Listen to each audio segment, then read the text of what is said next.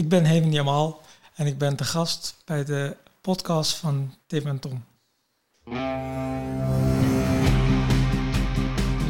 Welkom bij de Tim Tom Podcast.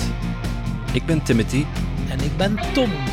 Samen zijn wij jouw GPS naar geluk en succes. Dag lieve luisteraars, welkom bij alweer een nieuwe aflevering van de Tim Tom podcast. En vandaag een bijzonder man te gast. Eh, Timothy zei tegen mij van... In onze Tour van Nederland is één iemand die ik zeker wil spreken en dat is Eamon Jamal. Vertel eens Timothy, wat maakt hem zo speciaal? Dat klopt, ja. ja. Eh, wat speciaal is, is dat Hemen eigenlijk de eerste is die, waar ik uh, mee gesproken heb, of mee afgesproken heb, sinds ik met persoonlijke ontwikkeling ben begonnen en sinds er heel veel dingen op mijn pad zijn gekomen.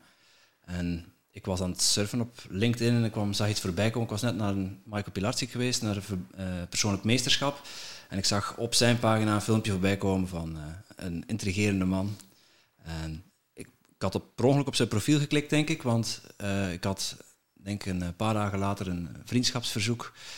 Ik heb dat geaccepteerd. Ik denk, ja, als jij mij toevoegt, dan ben ik ook zo brutaal om te vragen, dan gaan we een kop koffie drinken. En uh, zo gezegd, zo gedaan. En ja, we hebben elkaar een aantal keer uh, gesproken, een aantal keer ontmoet, een paar keer gaan snowboarden. En ja, toch wel een, een, een, een, mentor, mag ik wel zeggen. op het juiste moment, de juiste dingen en de juiste richtingen geduwd. Voilà. Ik ben benieuwd. Ik kan niet langer wachten. Raymond. Yes, man. Welkom. Welkom bij de podcast. ja, nee, nou, ik ben blij om hier te zijn. Inderdaad, ja. Toen uh, ik jou sprak de eerste keer uh, was 2018. Ja. Inmiddels uh, zijn we drie jaar verder. En ja, inmiddels zijn wij ook gestart met de Tim Tom podcast. Yes. En ja, zijn we ondertussen ook al door de honderd afleveringen. Dus ja, wij hebben onze belofte in ieder, geval, in ieder geval waargemaakt. En mag wel zeggen, ja, ik heb heel veel dingen altijd mezelf wijsgemaakt en beloofd. Van, oh, een dag ga ik doen, een dag ga ik doen. En overal aan begonnen. En dan halverwege dacht ik, ik laat uit mijn handen vallen en ik zie het niet meer zitten. En ik moet zeggen, deze podcast is ook wel het eerste wat ik echt afgemaakt heb. Waar ik echt, ja, waar ik ook trots op ben. dat je je doel hebt... Uh... Ja, gewoon doel bereikt. Bereikt ook. Ja, het einde is nog niet eens in zicht. Ook. Dat is ook wel weer mooi. Dat is fijn te horen. Ja. Want dat is de volgende stap. 100 is er. En... Uh de volgende doel is uh, ligt voor je neus, hè? Het volgende doel ligt voor onze neus, ja. ja, gefeliciteerd ermee. Heel goed. goed bezig. En ik vind het ook vooral leuk om te zien uh, hoe je jezelf uh, hebt ontwikkeld de afgelopen drie jaar. Ik heb een echt een totaal andere persoon gezien drie jaar geleden dan denk nu voor me zie. Dus nu, ben ik wel, uh, nu ben ik wel heel benieuwd uh, welke transformatie heeft hij doorgemaakt. Ik ken ja. hem ook ondertussen drie jaar. Dus. Hij is een stuk ouder.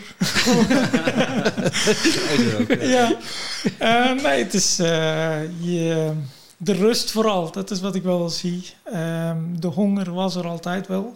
Maar de manier waar moet ik naartoe en hoe, vooral dat ontbrak. Dat hebben, ja, dat, hebben wij, dat idee had ik vooral. Uh, het is goed om te zien dat je, het, uh, dat je een beetje helderheid uh, voor je ogen hebt. Ja. Dat is heel fijn om te zien. En ik zie je meer als een vriend dan een mentor. Dus dat, zo ga ik ook al mijn relaties altijd. Vrienden zijn ook mentoren, toch? Dat, ja, we leren allemaal van elkaar. Ik zie mentoren als mensen op mijn pad die me helpen om mijn eigen pad te ontdekken. En ja, me daarin begeleiden. Ja. En ja, ik mag zeggen, veel van mijn vrienden zijn mentoren. Ja. Of veel mentoren worden vrienden. Uh, ja, zeg maar, Zo is maar ook. linksom, rechtsom. Ja. Maar een woord, hè? Zo is het. Ja, ik, ik, moet zeggen, ja, wij hadden, uh, wij hadden afgesproken in Utrecht toen voor een kop koffie te drinken. Ik had het nog nooit gedaan, ik vond het doodeng. Ik dacht, ja? ga ik met een vreemd, met, met een vreemd iemand die ik nog nooit gezien heb, zomaar een LinkedIn vriendschapsverzoek. En ik, heb, ben ik, heb, ik nu echt, heb ik nu echt gevraagd of hij een kop koffie wil drinken? Ja. Oh, oh. Dus ik schoot ik al in paniek. En dat kwam je nog niet opdagen ook. eerste keer. Oh, is dat echt waar? Ja. Dat ja. weet ik, niet ik, ik, had je nummer niet. Er was iets tussen gekomen. Ik weet niet meer hoe of wat. Uh, of oh, dat uh, heb ik totaal niet meer voor de. Ja, ook niet. Je kon, je, we konden elkaar ja, niet dat bereiken. Is waar, dat is waar. Goed, toen was ik ook niet bij... Uh, toen was ik wel al bij Michael Plastic geweest, maar nog niet bij zijn seminar Maximum Potential. En toen ik jou daarna zag wel. En toen was er voor mij wel al, ja, had hij me al gebrainwashed. eh. Ja, ja, ja. Sommige mensen denken secte en uh, staan juichen en klappen. Dat is echt zo.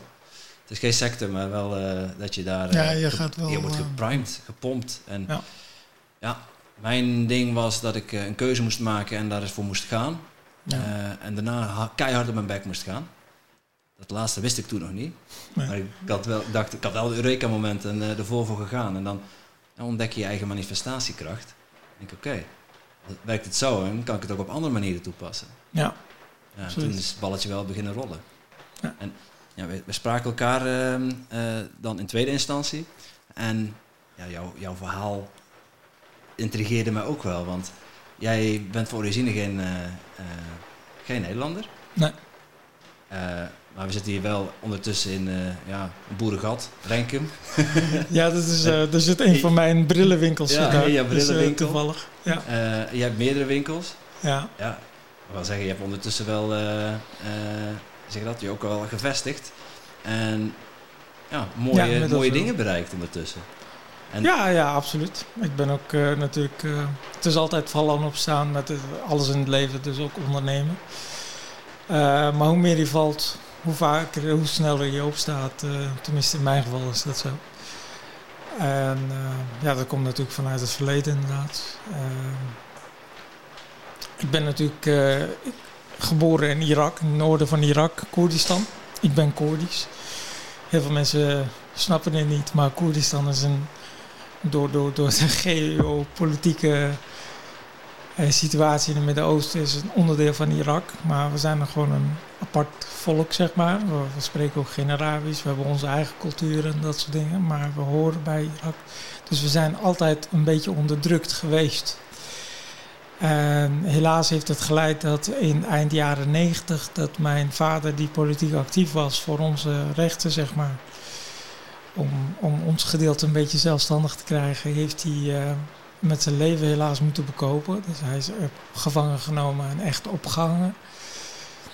Ja, en, ja, en uiteindelijk heeft het ervoor gezorgd dat wij, mijn moeder en ik en mijn andere kleine zusjes en broertjes, uh, moesten vluchten voor ons leven, letterlijk. Echt. Uh, en zo zijn wij heel toevallig per ongeluk gewoon in Nederland terechtgekomen. Je zoekt veiligheid en de eerste veiligheid net die we tegenkwamen was Nederland. Dus zodoende ben ik in Nederland terechtgekomen. Dus als, als een asielzoeker van een jaar of veertien in een vreemd land zonder een taal te spreken en uh, wat te doen. Ja, inmiddels spreek je beter Nederlands dan ik. Uh. Nou, dat Dus zou ik niet zeggen, maar ik spreek heel veel talen. Ik, eh, ik kom van oorsprong uit een gemengd familie, eh, Arabisch, Turks, Koerdisch en dat soort dingen. Dus ik spreek het ook. eh, er zijn ontwikkelingen in soort talenknollen. Eh, daar probeer ik ook nu mee te geven aan mijn kind. Om zoveel mogelijk, want zijn moeder spreekt ook een hele andere taal dan zij is ook toevallig niet Nederlands. Dus, dus we, we voeden nu met een jaar op met Pools, Engels, Nederlands, Koerdisch, allerlei talen. En er zijn verschillende studies die hebben uitgewezen dat je dan dus ook daardoor eh, betere aanpassingsvermogens krijgt of een intelligentere aanpassingsvermogen daardoor ontwikkelt en ook daadwerkelijk talen heel makkelijk kan oppakken op een En- latere leeftijd. En je vertaalde, je bent gevlucht naar Nederland. Ik heb dan een beeld van vluchtelingen. Was dat dan ook zo met de rubberbootjes, met eh, veel te veel volk in een bootje? Of, eh, het was, of was het gewoon vliegtuigje eerste klas en eh, richting Nederland? Nee, was het maar zo. Ehm, daar had ik voor getekend inderdaad. Nee, maar het is echt... eh, we hebben een gedeelte echt moeten lopen door de bergen en dat soort dingen. Dus echt gewoon op eh, pakezels en door bergen. Dat je, want je kan niet de- grens over. Eh, dus we zijn echt... ik denk iets van... Ik, weet, ik kan hem slecht herinneren, maar mijn moeder weet het exact nog steeds. Eh, we hebben iets van anderhalve maand, 45, 46 dagen eh, door het bos en in de, in, de, in de bergen gelopen. En ik was de oudste en ik was 14 en de jongste was twee jaar, drie jaar oud. Dus, die, eh, dus we hadden een, ja, je, krijgt, je verkoopt je hele hebben en houden. Dus je huis en alles wat je hebt verkoop je. En dan heb je een budget. En voor dat konden we dan dus bijvoorbeeld een pak ezel, zeg maar. En dan stonden alle drie jongsten stonden erop. En dan moet je dan dus door de wild. En je kan alleen maar s'nachts lopen. Want overdag kun je niet lopen, want dan word je gepakt. En dan word je teruggestuurd. En dan kom je precies in de handen van de mensen die je niet wil uh, zijn, zeg maar. En uh, na 45 dagen kwamen we eindelijk in Turkije, zeg maar. En dan konden we dan dus onze, onze hele, zeg maar, tweede deel van de avontuur. Want dat zie je nu vooral, de, de struggle die de meeste vluchtelingen hebben vanuit Turkije naar Griekenland bijvoorbeeld om de Europese Unie binnen te komen. Ja.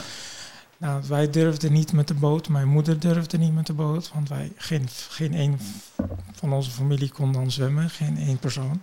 Dus mijn moeder niet en wij ook niet. Dus wij we zijn nog eens een keer een stuk, uh, een maand of zo, door, door de bossen en dat soort dingen gaan lopen tussen Griekenland en Turkije. En dan weer erom in Italië bij Frankrijk en dat soort dingen. En, uh, zo bij iedere grensovergang moest je eigenlijk weer oppassen. Ja. Maar als je dan, heb, had je dan het gevoel dat je uh, in Turkije aankwam, dat je dan wel veilig was?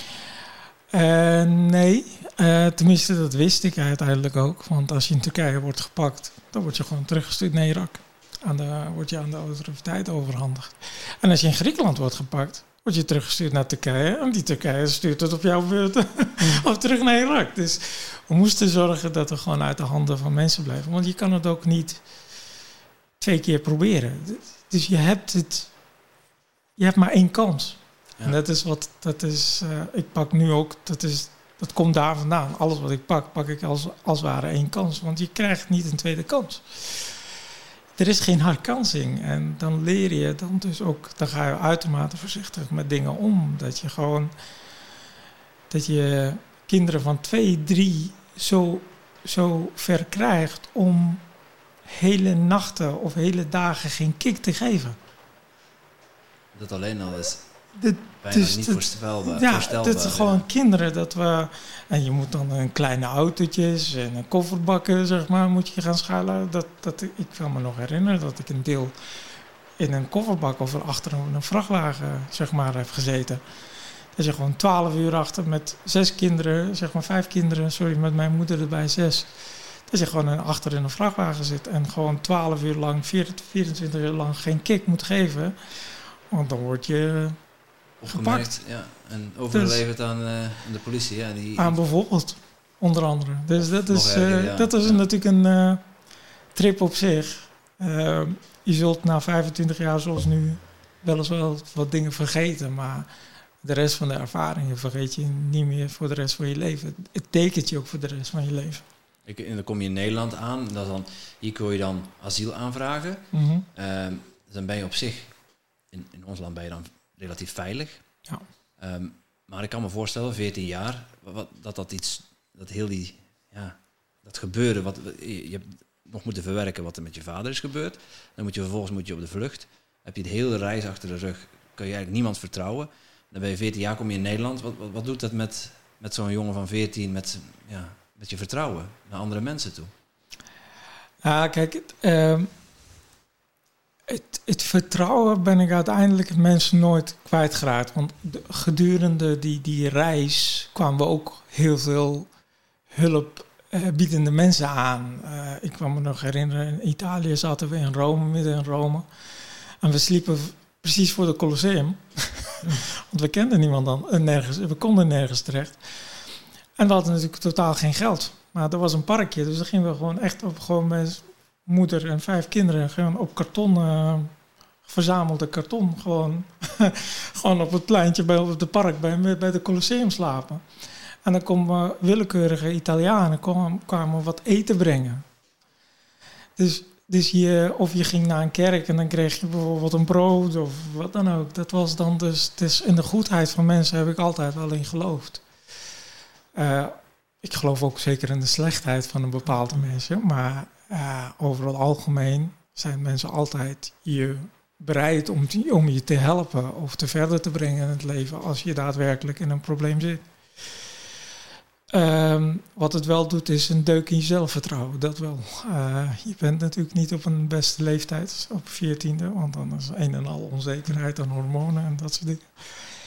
En dan kom je in een land waar je eigenlijk, eh, zeg maar, een beetje aan de onderkant van de maatschappij terechtkomt. Terwijl ik het aan iedereen vertelde mij dat ik blij moest zijn om hier te zijn. En daar was ik ook zeker op een, uh, tot een bepaalde hoogte, dat ik veilig was. Of dat mijn moeder en de kinderen veilig waren. Uh, maar ja, we gingen van een best wel een luxe leven. Zeg maar, mijn vader had het, uh, onze familie had het heel goed. Hadden ons eigen huis en dat soort dingen. Ik had een eigen kamer, onderdeel van een appartement. En dan kom je in een asielzoekerscentrum waar je met honderden of zo niet duizenden mensen te, op een uh, hoopje zit. En dat je maar met z'n zes een kamer en met vier kamers met 40, 30 mensen een wc of twee wc's moet delen. Dus dat is. Dus voor mij voelde het, ik denk, ja shit, wat doe ik hier eigenlijk? Het is, ik wil hier helemaal niet zijn. Uh, dus dat is een beetje het conflict wat je krijgt. Moet ik nou want je, je hoort eigenlijk dankbaar te zijn, maar je bent het niet omdat je in een, in een hele shit situatie zit. En ja, dan word je boos en dan ga je dingen doen. Maar overal, wat ik wel wist, is. Ehm, mijn moeder was er echt kapot van. Weet je, vader verloren. En nu moest ze het alleen doen. Uh, dus ze heeft het niet laten zien, maar ze heeft het wel altijd het best gedaan. En ik merkte wel Weet je, en nu is het ook mijn tijd om op te staan. Je voelt je al, tenminste ik voelde me al heel, eh, heel snel een mannetje, weet je wel. Uh, toen ik al een jaar of 12, 13 was, voelde ik me al een beetje een man. En ja, vanaf 14 kwam het wel natuurlijk in een stroomverstrengeling, want mijn moeder sprak de taal niet. Dus ik pak de taal natuurlijk een stuk sneller op. Dus dan ga je dan automatisch dan ook bijvoorbeeld dingen regelen. Je was ook de man van, of tenminste de, de vaderfiguur van de familie. Je dus dan word je dan automatisch ook. Het heeft ook met, deels met de cultuur te maken natuurlijk. Want uh, dan ben je de oudste broer, dan ga je natuurlijk voor. Maar ja, iemand moest opstaan. En ja, goed, ik vond dat ik dat moet zijn. Want uh, mijn moeder had alles zwaar genoeg. En zo uh, is het eigenlijk ontstaan. Dat we dat ik de man werd in huis. En we gingen dus echt daadwerkelijk dingen bespreken met mijn moeder en budget overleggen en dat soort dingen. Dus alsof we gewoon echt alsof we getrouwd waren. een soortje van. Um, en ik ging naar ouderavonden en dat soort dingen. Dus dat, dat, is, dat deed ik op mijn vijftiende en zestiende ook. Uh, en dat brengt je wel, dan, dan Ehm, dat, dat, dan werpt er ook een stuk serieusheid op, de, op, de, op je leven, zeg maar. Dus dan, ben je, dan skip je opeens je tienerjaren gewoon opeens. En dan ben je, gewoon. Dan, ben je, dan ben je gewoon een soort volwassen man of een vaderfiguur.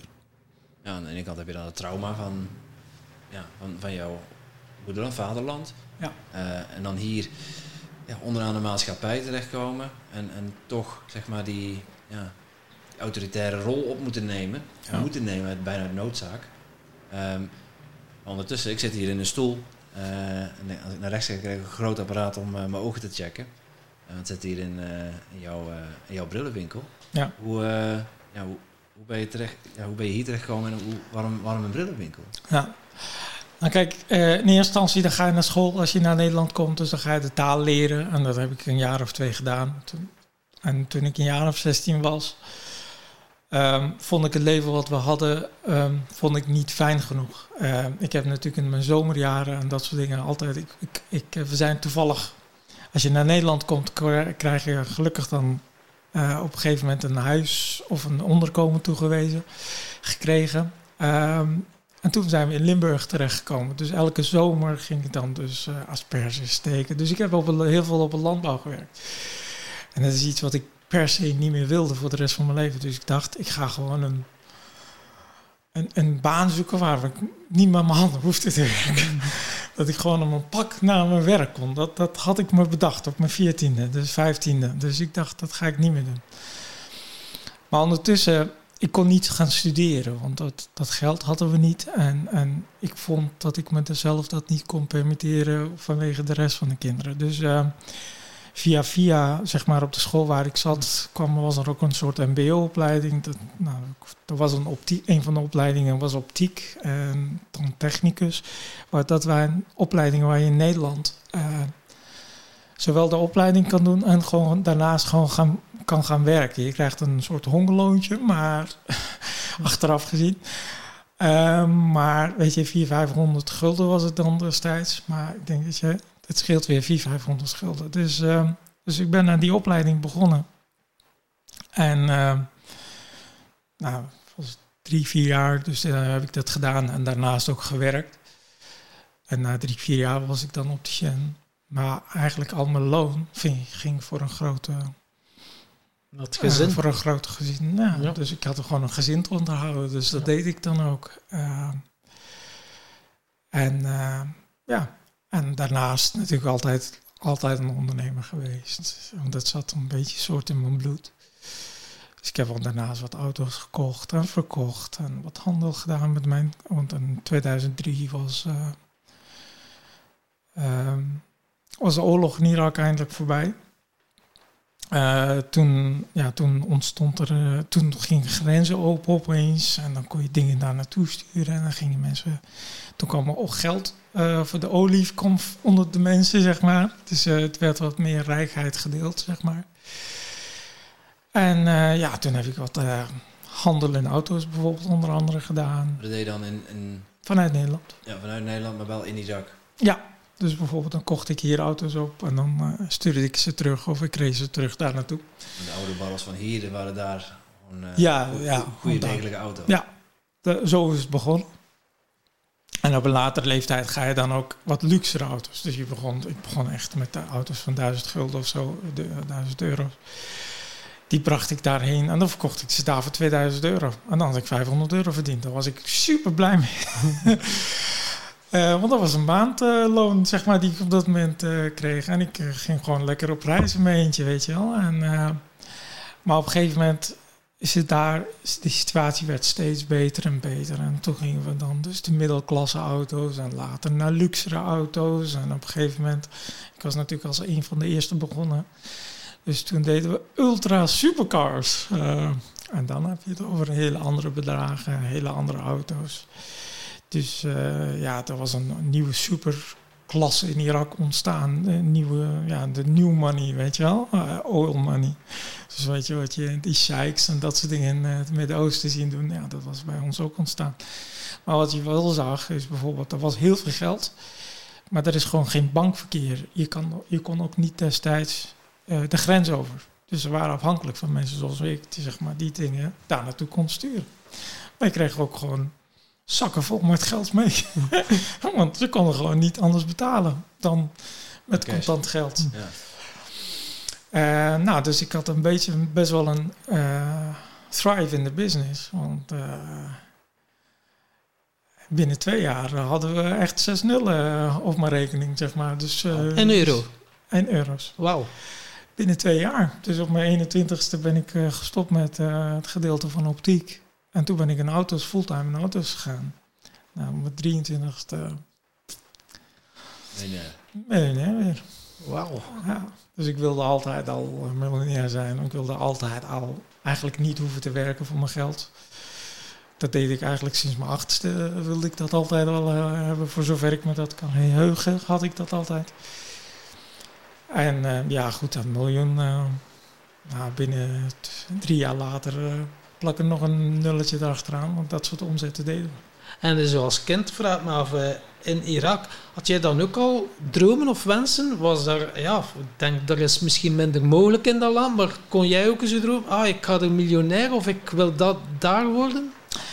Ja, kijk, in mijn jeugd, uh, sky was the limit. Uh, in de jaren tachtig was eigenlijk een beetje Irak, Baghdad, waar ik woonde op dat moment, was de Dubai van het Midden-Oosten. Dus er was geen oorlog. Er was gewoon niks aan de hand. Dus ik had ook een van mijn dingen. Ik wilde altijd een piloot worden. En ja, en ja we hadden nooit problemen. We hadden altijd de dik, dikste auto's en de, de, de, de grootste huizen uit de buurt. Dus, dus ik, je voelt dat niet als kind, maar ik voelde wel dat alles mogelijk was. Whatever ik wilde, weet je wel, dat, dat kreeg ik. Dus ik ben wel altijd rijk opgevoed. En die mindset die heb ik ook altijd nog steeds. Terwijl ik zeg maar asperges voor een paar gulden liep te steken. Die mindset heb ik altijd wel gehad. Want dat zit in de basis. En dat is ook het witte goud, hè? Ja, Ja, asperges. je krijgt er niet veel geld voor betaald. Nee, het is heel hard werken, maar kan ik je Ja. vertellen. Ik was er ook geen, beslist niet goed in. Misschien ook bewust. Ehm, eh, maar goed, het moest gebeuren. Ja. Ehm, maar ik had er altijd, ik heb, ik heb eerlijk gezegd nooit aan mezelf getwijfeld dat ik er ga komen. En, en er kan natuurlijk morgen nog weer eens een keer iets gebeuren waarvan ik alles wat ik nu opgebouwd heb weer ga verliezen. Maar ik zie het altijd zo. Ik, heb, ik ben al zo vaak gevallen en weer gaan op gaan staan. Dus ik sta weer op, weet je. Als het niet dit, dan wordt het weer iets anders. Dus dat is, dat is denk ik wel een van mijn grootste kracht en drijfveer geweest om verder te komen in het leven. En had je dan een plan of komt dan dan gewoon op je pad? Nou, ik had niet direct een plan. Ehm, nu steeds meer, gelukkig. Ehm, eh, maar ja, goed, op dat soort situaties, op dat soort leeftijden, heb je niet direct een plan. Op je 23ste, 25ste heb je ook niet een plan. En daarom ben ik ook keihard op mijn bek gegaan. Want ehm, op een gegeven moment deden we zoveel businesses eh, in Irak, bijvoorbeeld met auto's. Dan kocht ik echt gewoon Lamborghinis en Ferraris en dat soort auto's. En die gingen rechtstreeks naar eh, Irak toe. En ik kon het niet meer e- in mijn eentje. Ik had echt best wel wat mensen daar. En ik had mijn eh goede vriend had ik daar neergezet eh, als mijn lokale partner. Dus ik kocht alles hier. Ik stuurde daar naartoe. En hij ontving alles en hij verkocht het door aan die mensen zeg maar, die hem besteld hadden. Ehm, en zo deden we zaken een aantal jaren. En we deden het best wel goed. En op een gegeven moment. eh, maar elke keer moesten we met het hele geld, letterlijk met het hele geld, over de grens naar Turkije om op een bank te storten. En zo af en toe, zeg maar, eh, was er een vertraging en dat soort dingen. Tot op een dag dat mijn collega, compagnon, met heel veel geld eh, van het eh, vandoor ging. Met iets van, eh, ik, ik weet het niet meer precies, maar oh, 23 miljoen dollar. Dus je ging de grens over en die heb je niet meer gezien. eh. Die heb ik nooit meer gezien. Tot op de dag van vandaag. Nooit meer iets van vernomen. Ehm, dus wat er dan gebeurt is, dan heb je hier schulden in Europa. Want je hebt auto's besteld bijvoorbeeld die je niet betaald hebt. En eh, daar ook nog mensen die betaald hebben die geen auto hebben gekregen. Dus iedereen. Dus dan sta je, dan ben je daar failliet. Dan ben je hier failliet. je bent dubbel failliet. Maar dat is dus ook het, gewoon het vertrouwen. En die man is, ja, waarschijnlijk hoeft hij met al het geld wat we eh, wat hij heeft meegenomen, hoeft hij nog meer te werken in zijn leven. Maar ehm, ja, dus uiteindelijk dus was ik failliet. Dus ik ging, dus binnen twee jaar was ik miljonair. Binnen twee jaar, drie jaar was ik super multimiljonair. En binnen een paar jaar later was ik weer eh, Schulden. ik, hè, schulden. Zoveel schulden dat je gewoon ondanks met het normale werk gewoon dat je het er niet aan komt. Dat je nooit Dus meer, ik zat op dat je nul. heel je leven werken, dat het nog niet genoeg was. Wauw. Dus ik ben gewoon weer daar. eh, ik ben weer als opticien gaan werken. Gewoon of eh, in een optiekbedrijf, zeg maar. Dat was niet jij. direct. Is toch al met, dus dan is het wel met een steen in je maag, denk ik. Ja, een hele zware. Maar wat ik en rond die tijd, kijk, als je, als je hele dure auto's rijdt en, en, en, eh, en eh, dat in een vergelijkbare huizen gaat wonen, dan krijg je ook een, dat soort partners. dus rond die tijd had mijn vrouw mij ook, vriendin slash vrouw mij ook verlaten. dus op mijn 25ste was ik miljonair en op mijn 26ste zat ik bij mijn moeder in haar eh, huis. Ehm, in de bijstand, zeg maar. Zij zat in de bijstand op dat moment door mij, omdat ik het niet meer kon onderhouden. Zat ik bij haar op de zolder, zonder inkomen.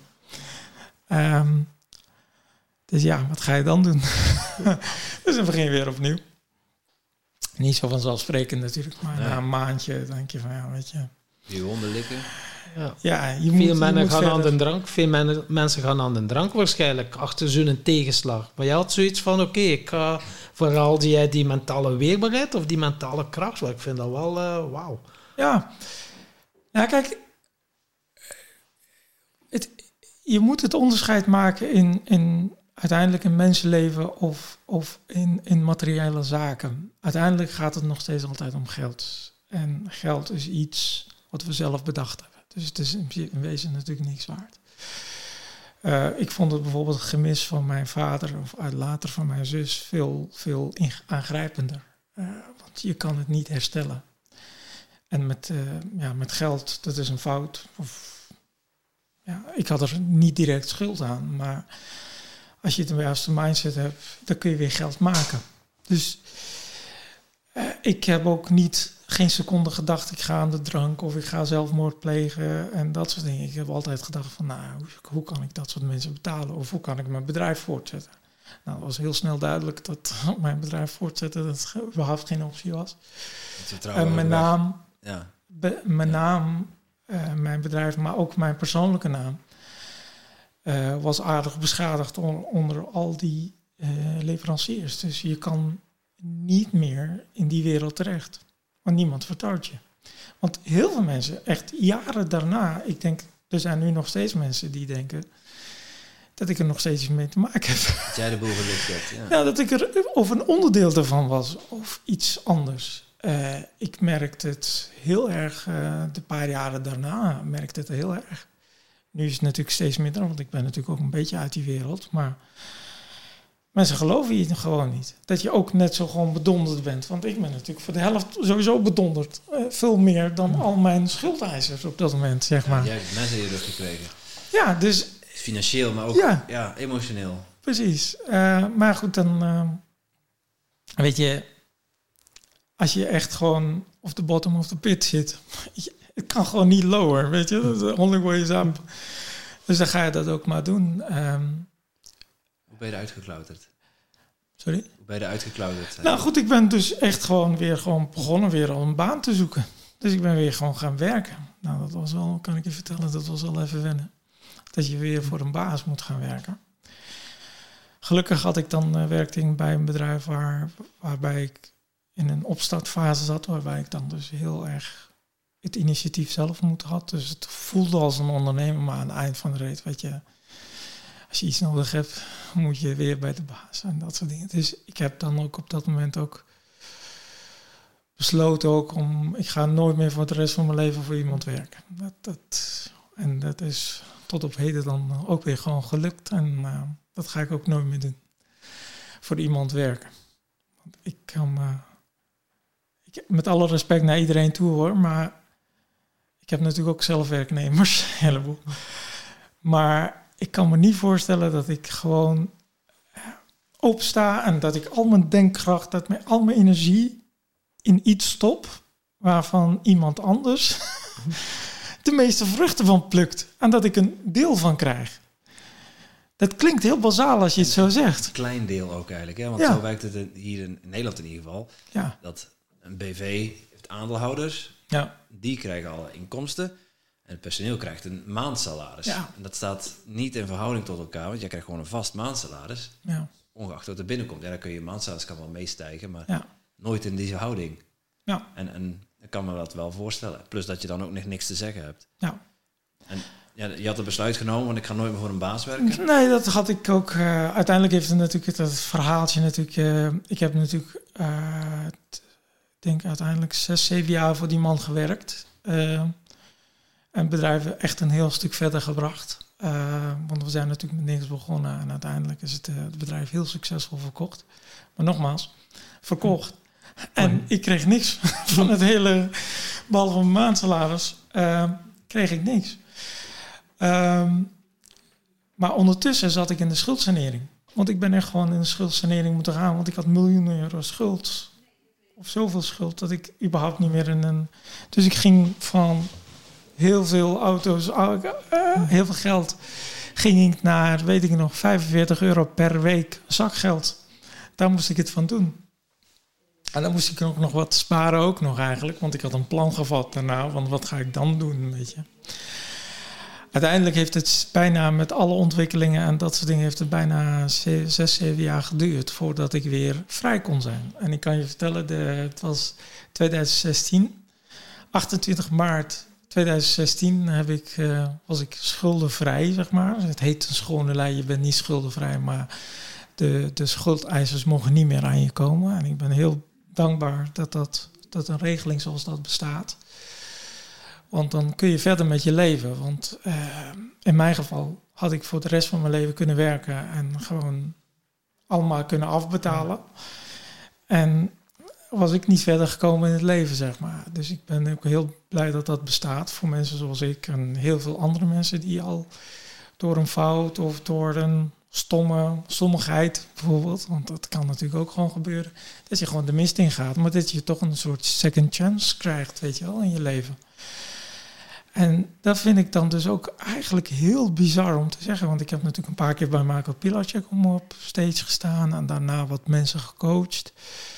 En dan denk ik, ja, weet je, wat houd je tegen? Ga het doen, weet je. Ja, maar ik wil wel voor, voor mezelf beginnen. En ik heb een super idee. Maar ik durf niet. En ik denk, ja, wat is het ergste wat er kan gebeuren? Dan kun je gewoon naar je eigen nest gaan. Als je failliet gaat of als je op je bek gaat. Dan kun je weer bij diezelfde baas gaan werken. Want je, je gaat het niet verleren.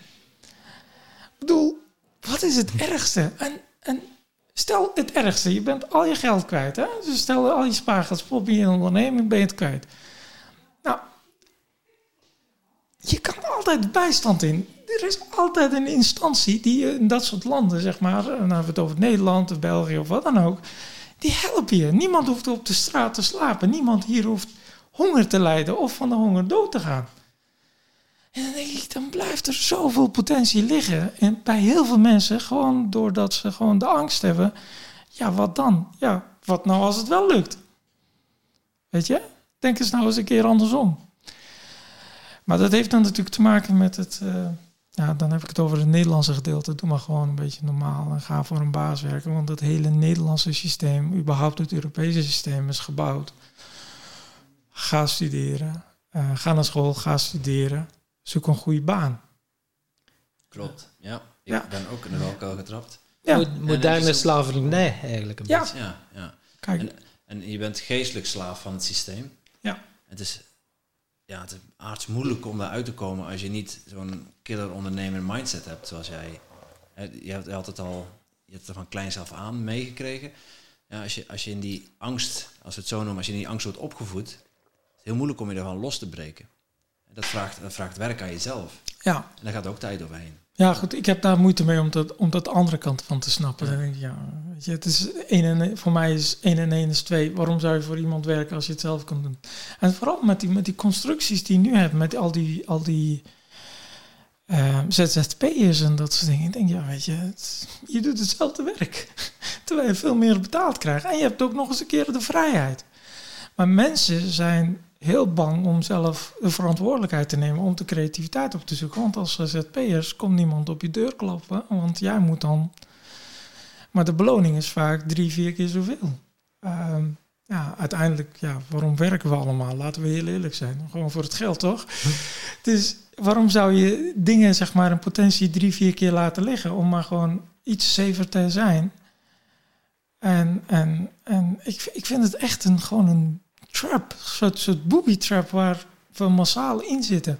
Dus ik vind het ook heel lastig om te begrijpen dat mensen gewoon 30 jaar gewoon werken gewoon voor één iemand of verschillende mensen dat hij gewoon 30 jaar hetzelfde doet voor één iemand. Dus voor mij is de andere kant weer. eh, ik vind, voor mij komt het natuurlijk, maar het is, het is aangeboren vanuit de drive, vanuit ehm, van niets naar iets. En dat iets heb ik heel erg, ja, je moet dan dus voor jezelf een doel stellen. Van dit wil ik hebben eh, tegen die tijd. Bijvoorbeeld. En dat doe ik eigenlijk nu nog steeds, elke keer weer. Ehm, Kun, kun je dat uitleggen, wat je daarmee bedoelt? eh, ja, ik kan, ik kan je een voorbeeld geven. Ik, eh, ik ben niet van de horloges, bijvoorbeeld de Rolex. Ik heb ook geen heel super groot huis en dat soort dingen. Ik heb ook altijd schuld. Als je begrijpt wat ik bedoel. Ik heb nooit... Heel veel mensen sparen in Nederland. Dat is sport nummer één. eh, buiten alle sporten bijvoorbeeld. Hè? Heel veel mensen sparen. Ik heb nooit spaargeld. Ik heb altijd schuld. En dat geeft mij de drive om verder te komen in het leven. Dus als ik bijvoorbeeld, nou laat ik zeggen, heel veel geld op mijn spaarrekening heb, dan koop ik een winkel. Dan koop ik vastgoed. Dan koop ik een, iets als investering. Dan koop ik gewoon daadwerkelijk iets.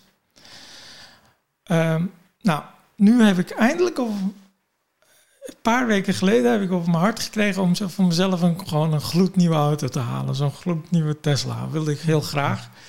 En mijn vrouw zei, doe nou even normaal. Doe het, koop het dan. En dan denk ik, ja, maar ik heb geen geld. Want ik heb ook daadwerkelijk geen geld om een Tesla te betalen. Dus dan zegt ze, ja, dan bestel je het toch. En dan tegen de tijd heb je het geld. Zo doe ik het altijd. Dus dan bestel ik hem. En nu weet ik, tegen die tijd, dan weet ik precies, eh, 17 september komt mijn auto. En dan moet ik zorgen dat ik zoveel geld klaar heb liggen. En dan heb je twee, drie maanden de tijd. En als je denkt van, ja, hoe betaal ik zo'n Tesla? Hoe kom ik aan dat bedrag X? En dan ga je manieren bedenken. En dan ga je eerst komen dan natuurlijk van die stomme slechte ideeën. Maar zo, hoe lang je dat, die vraag stelt. Het is echt, en dat is wat ik echt bij Michael Pilarczyk en later bij Tony Robbins nog veel beter heb geleerd. Is die juiste vragen stellen. Ook aan jezelf. Want als je de juiste vragen stelt, krijg je de goede antwoorden. En zo doe ik dat dus. Met alles in mijn leven doe ik dat zo nu. Uh, ik heb nooit geld, maar als er iets moet komen, die komt er. En dan zorg ik altijd dat er geld komt. Nu zullen veel luisteraars getriggerd zijn. Ja, de juiste vraag stellen. Een goede vraag. Wat zijn goede vragen? Kun je zo enkele voorbeelden geven? Ja, nou goed, in mijn geval, dit, om het voorbeeld van Tesla aan te halen. Hoe kom ik hoe zorg ik ervoor dat ik op 17 september x bedrag op mijn rekening heb staan? Zo simpel is het. Um, of ja, dat is natuurlijk een mindset. Dus echt gewoon doorvragen en doorvragen, door blijven vragen. Van wat, wat wil ik nou echt bereiken, zeg maar. Waarom wil ik dat bijvoorbeeld? Waarom wil ik een nieuwe auto? Waarom wil ik een nieuw huis? Of waarom wil ik stoppen met werken? Of waarom wil ik eigenlijk dit gaan Die behoefte eigenlijk, Ja, dat verlangen. Dus dat je, als je de juiste vragen stelt, dan ga je tot de kern van je verlangen. En er is niks zo krachtig als het verlangen van iemand. Want je zegt altijd wilskracht en dat soort dingen. Maar als je iets echt wil, dan komt die er toch? Ja. Nou, als je, als je jezelf een doelstelling eh, geeft, 100 podcast, dan ga je het wel redden. Maar goed, je kan het ook bij 10 laten, want je denkt, ja, dat is niet helemaal. Maar het- Het is alles is in werk. mogelijk. Hè? Ja. Ik heb het ooit van Steve Jobs, eh, dat, dat vond ik al heel krachtig. Alles wat je om je heen gebouwd is, dat is, zeg maar, dat is gebouwd door mensen zoals jij. Die niet veel slimmer of dommer zijn dan jij. Dus waarom zouden zij het wel mogen hebben en jij niet? En dan dacht ik, ja shit, het is eigenlijk wel heel simpel. Weet je? Want die, die neiging heb je als je zelf bijvoorbeeld in een beperking zit.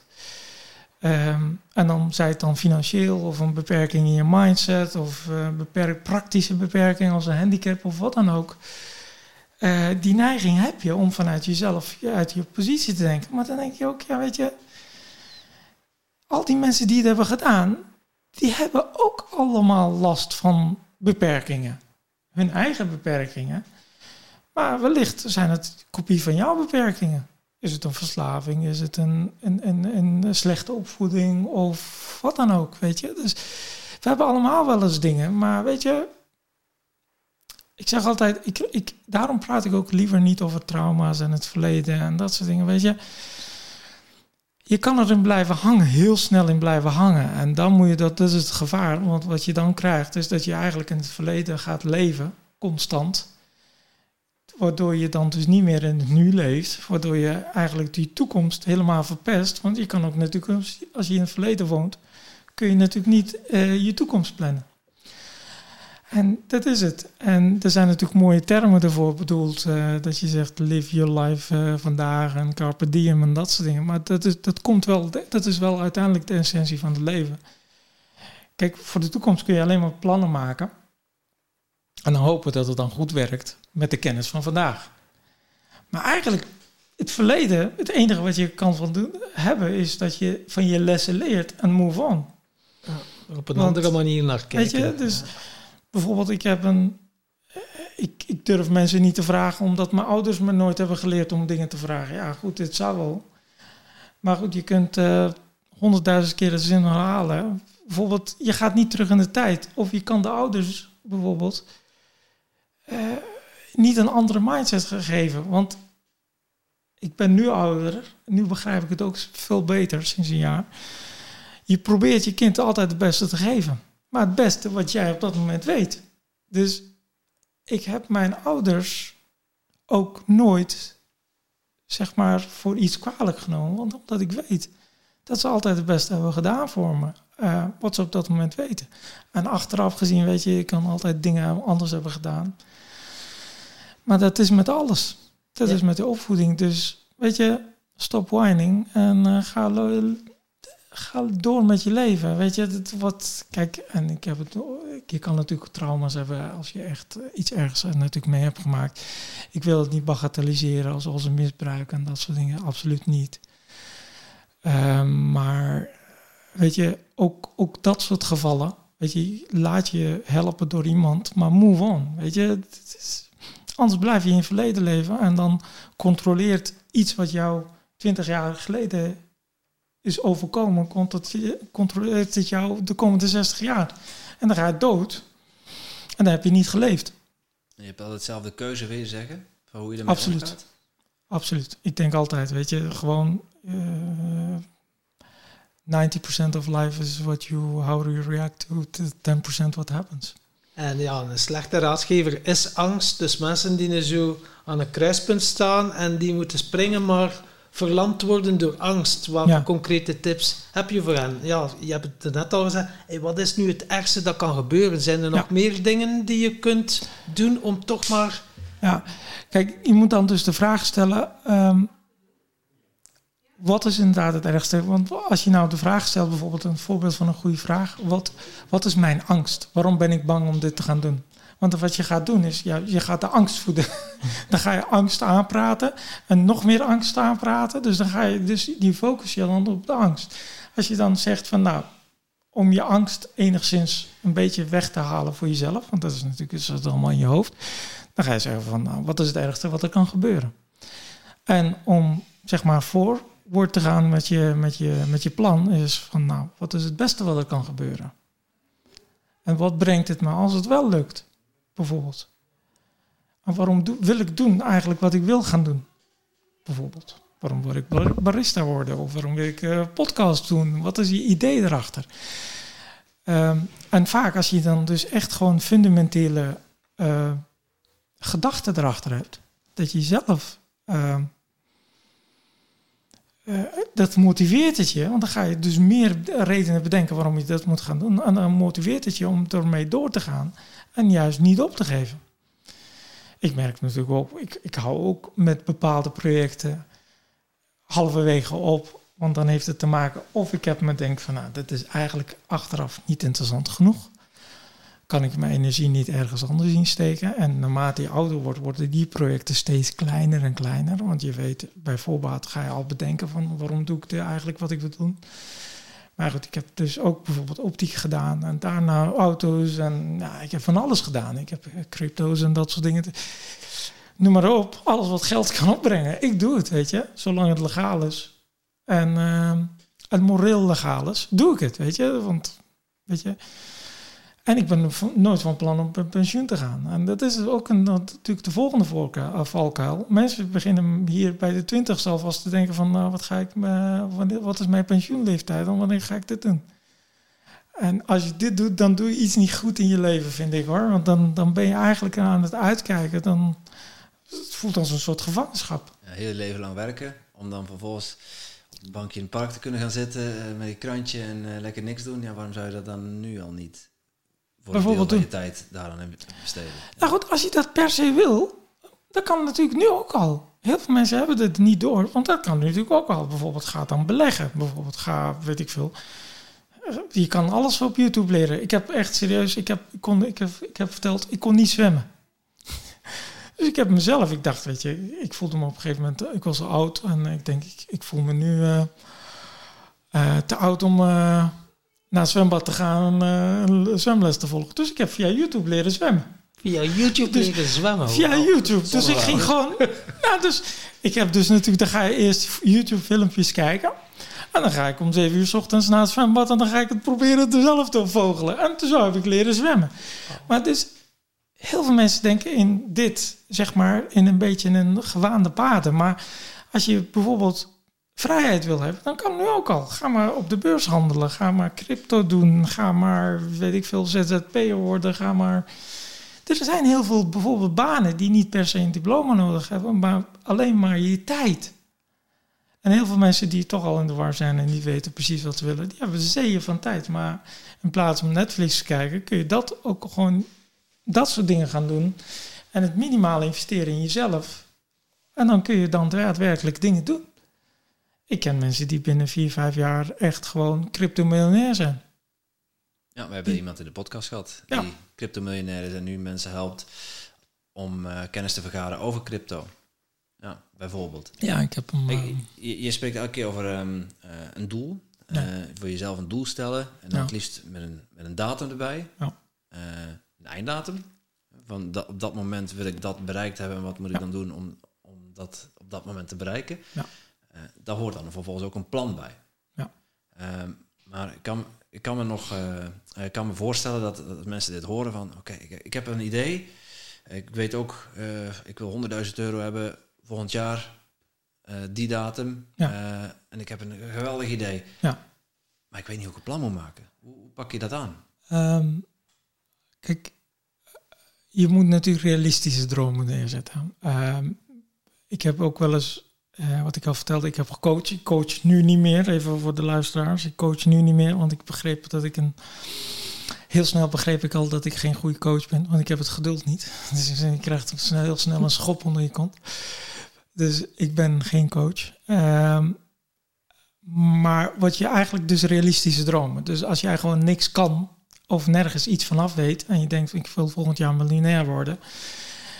Het zou wel licht kunnen, maar dan moet je een loterij gaan kopen. Dat is je grootste kans. Maar je kan niet bijvoorbeeld aan een stukje doorvragen volgend jaar miljonair worden. Dat gaat niet. Dus je, je moet al een realistische plan maken. En het plan begint het, en begint klein vaak. Weet je, heel veel mensen willen heel veel dingen heel snel. Dat is een beetje het probleem met de generatie die we nu hebben, zeg maar omdat ze dat ook op social media en dat soort dingen zien. Ja, ze beginnen Vaak- vandaag, ze willen morgen succes en ze willen volgend jaar miljonair zijn. Ja, Maar zo werkt het dus niet. nee, niet in de praktijk helaas. Dat eh, weten we met z'n allen, toch?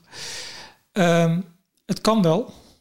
Ehm, maar dat is voor dusdanig een kleine groep in, eh, zeg maar ingecalculeerd dat het voor de gewone leek is dat niet mogelijk. En de vraag is dan waarom, waarom moet het zo snel?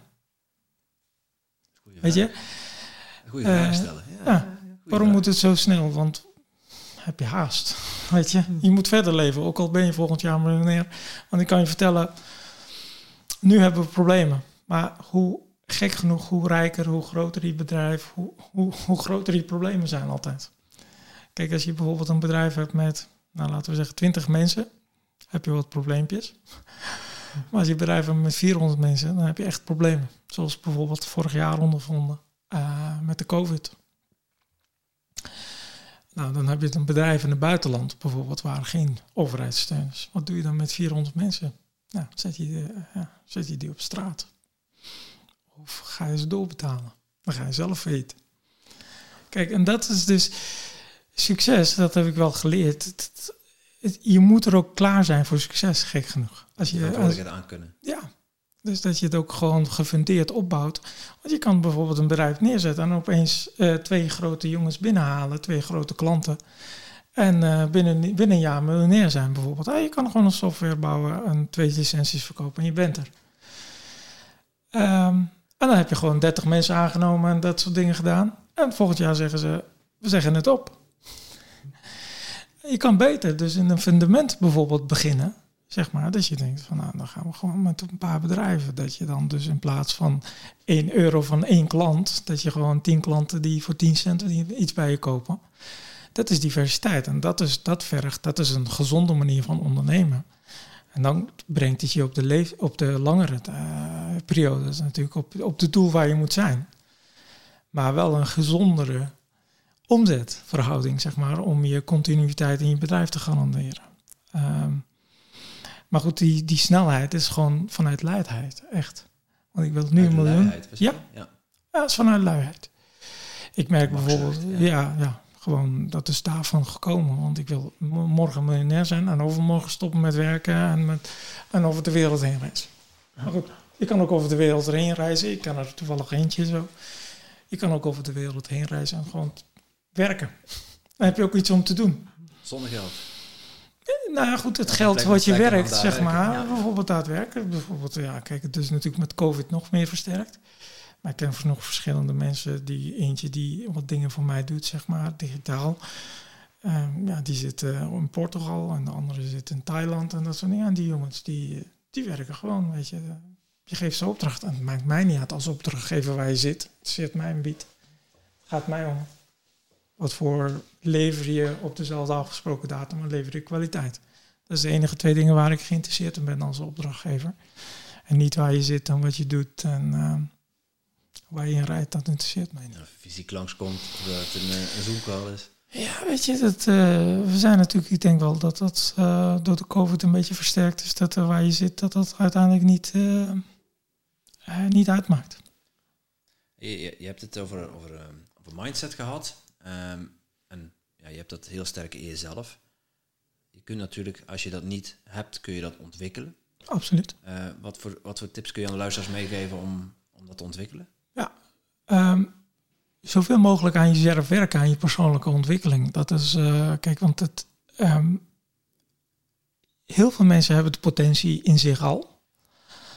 Alleen, je moet het een beetje water geven. Uh, ik zeg altijd gekscherend tegen Michael, uh, Michael Pillars. Ik zeg van uh, eigenlijk we betalen je heel veel geld om alleen hier te mogen zitten, om niet op onze telefoon te mogen zitten. um, want dat is namelijk gebeurd. Je wordt gedwongen in een bepaalde sfeer echt over na te denken over wat wil je in leven? Waar ben je eigenlijk nou mee bezig? Dat je gewoon losstaat van je werk, van je, van je privé situatie, van je telefoon vooral.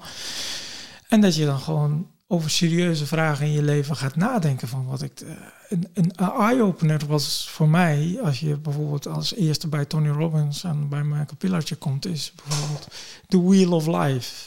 Ken je die? Het levenswiel. Ja, dus het The Wheel of Life. Dus, ja. uh, dus dan ga je dus bijvoorbeeld, uh, nou dan moet je dan dus tekenen en dan bijvoorbeeld cijfertjes geven, zeg maar als wielspaken. En dan zie je waar het haakt. Dus waar het mooi rondloopt. Dus als je privé helemaal goed zit, uh, zeg maar, met je relatie, dan loopt dat mooi uh, in een wiel, uh, zeg maar. En op een gegeven moment, als je geen cent te makken hebt, dan, krijg je een haak in je dingen. En als je meerdere haken hebt, dan, dan loop je al niet lekker, zeg maar. En dan kun je heel goed meten, inzichtelijk krijgen binnen een paar seconden. Dat je denkt, holy shit, daar zit mijn probleem, daar moet ik aan werken. Is het dan de liefde, of is het je geldprobleem, of een slaving, of wat dan ook. Maar we hebben allemaal wel eens wat. Um, uh, dus, en daar ga je dan dus mee werken. En vervolgens van, nou, hoe kan ik dan dus die situatie verbeteren? En, um, en door die juiste vragen te stellen, zeg maar, uh, de focus met je vraag, de focus op groei of de focus op potentie of de focus waar je wil zijn, te zetten van niet zo, ja, waarom ben ik zo depressief? Daar kom je niet zoveel mee. Weet je? Um, of hoe kan ik wat kan ik doen om mezelf weer gelukkig te maken? Of om mezelf gelukkig te maken? Wat kan ik, dat is een veel betere vraag om verder te komen in je leven. Van waarom ben ik zo depressief? Want dan ga je dus je, je, je focus op depressiviteit leggen. En dan blijf je gewoon lekker depressief. En dat is dan dus de art van. En ik, ik, ik vind dat Tony Robbins daar goed in is. Maar op de Nederlandse kant vind ik, of de Vlaamse dan in ieder geval ook. Ik vind dat Michael Pilarczyk daar een meester in is. Uh, Tenminste, het heeft mij wel geholpen. En ik heb daarna ben ik niet meer stil gaan uh, zitten. Um, ik merk wel dat bijvoorbeeld persoonlijke ontwikkeling in golven gaat. Dus ik, uh, dat ik periodes dat ik gewoon elk seminar bezoek wat ik, uh, waar ik kan bezoeken. Consumeren. Ja, ja, dus en dan denk je van, nou, nu is het goed. Eh, en dan is het goed. Dan ga ik gewoon een hele jaar of anderhalf, twee jaar soms niks doen. Ik denk van ja, onzin, weet Weet je. het allemaal wel Ja. intussen. Ja. En op een gegeven moment denk je van, nou, weet je, ik merk wel hoe meer je bijvoorbeeld, alles gaat in fases in je leven. Dus ook bijvoorbeeld ondernemerschap gaat in fases. En eh, dat, dat je denkt van, ehm, nu ben ik klaar voor de volgende fase. En dan heb je nieuwe uitdagingen waar je eigenlijk met je oude mindset nog niet klaar voor bent. Dan ga je dan dus proberen, dan ga je nog meer vragen te stellen, zeg maar, de juiste vragen wederom, om zeg maar die nieuwe mindset te creëren voor dat nieuwe uitdaging die je gaat. Want ja, je hersenen of je, je mindset is gewoon zo rekbaar zoals jij hem, zoals jij hem wil gereikt hebben, gek genoeg. Hè? Het is een beetje een, eh, zoals een computerspelletje.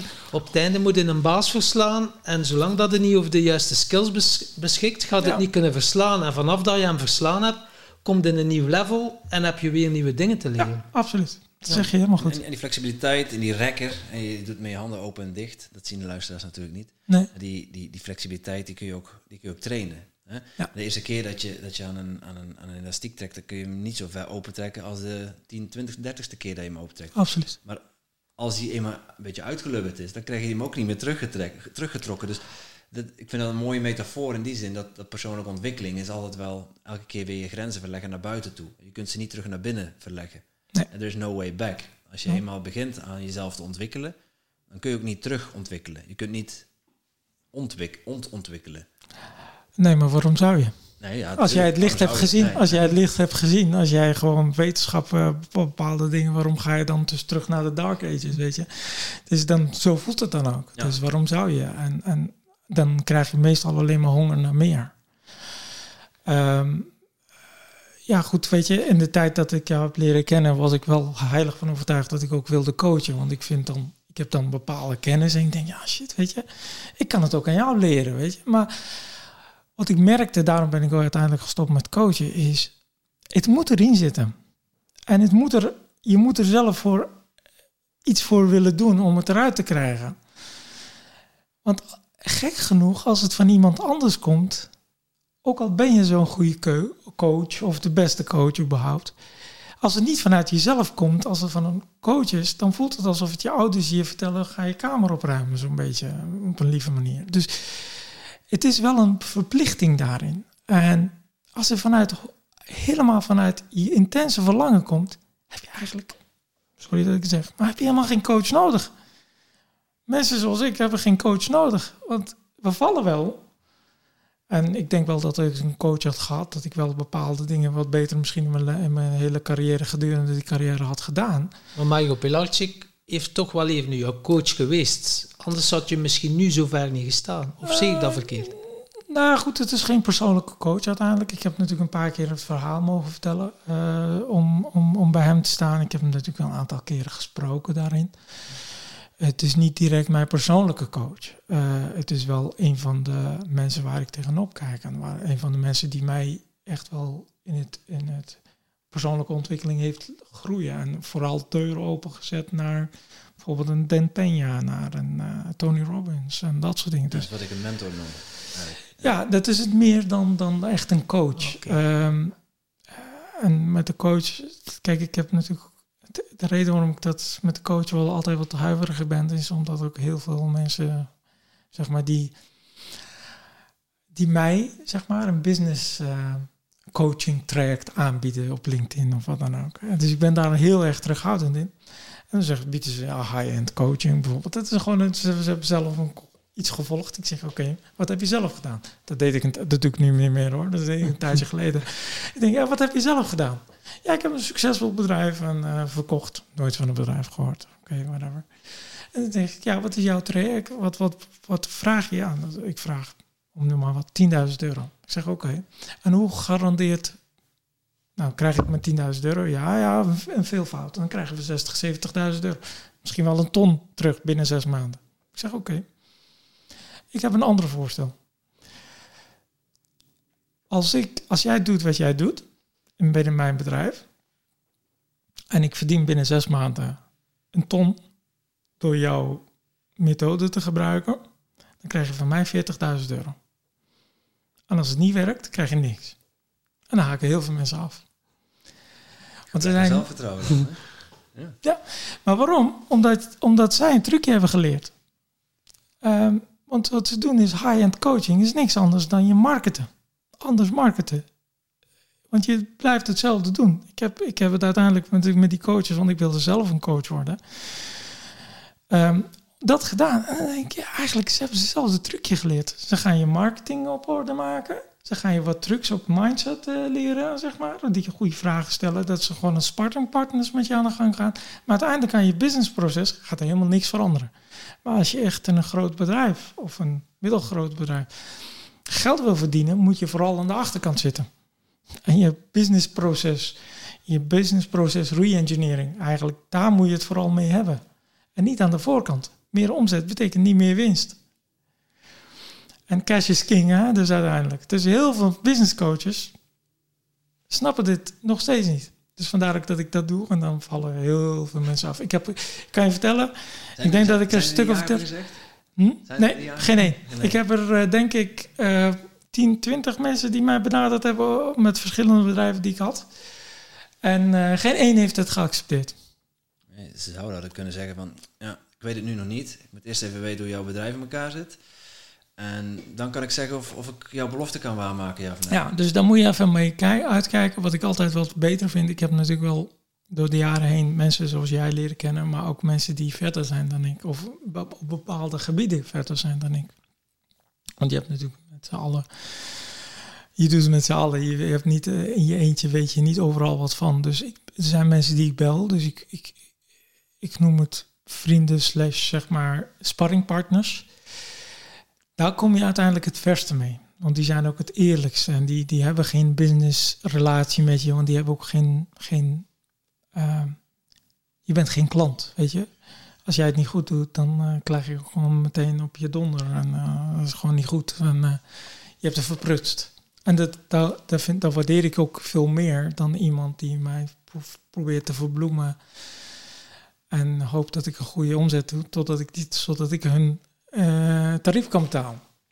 Dus wat ik wel merk is, je hebt eigenlijk om te beginnen, ehm, heb je eigenlijk helemaal geen coaches nodig. Je moet gewoon de juiste mindset hebben.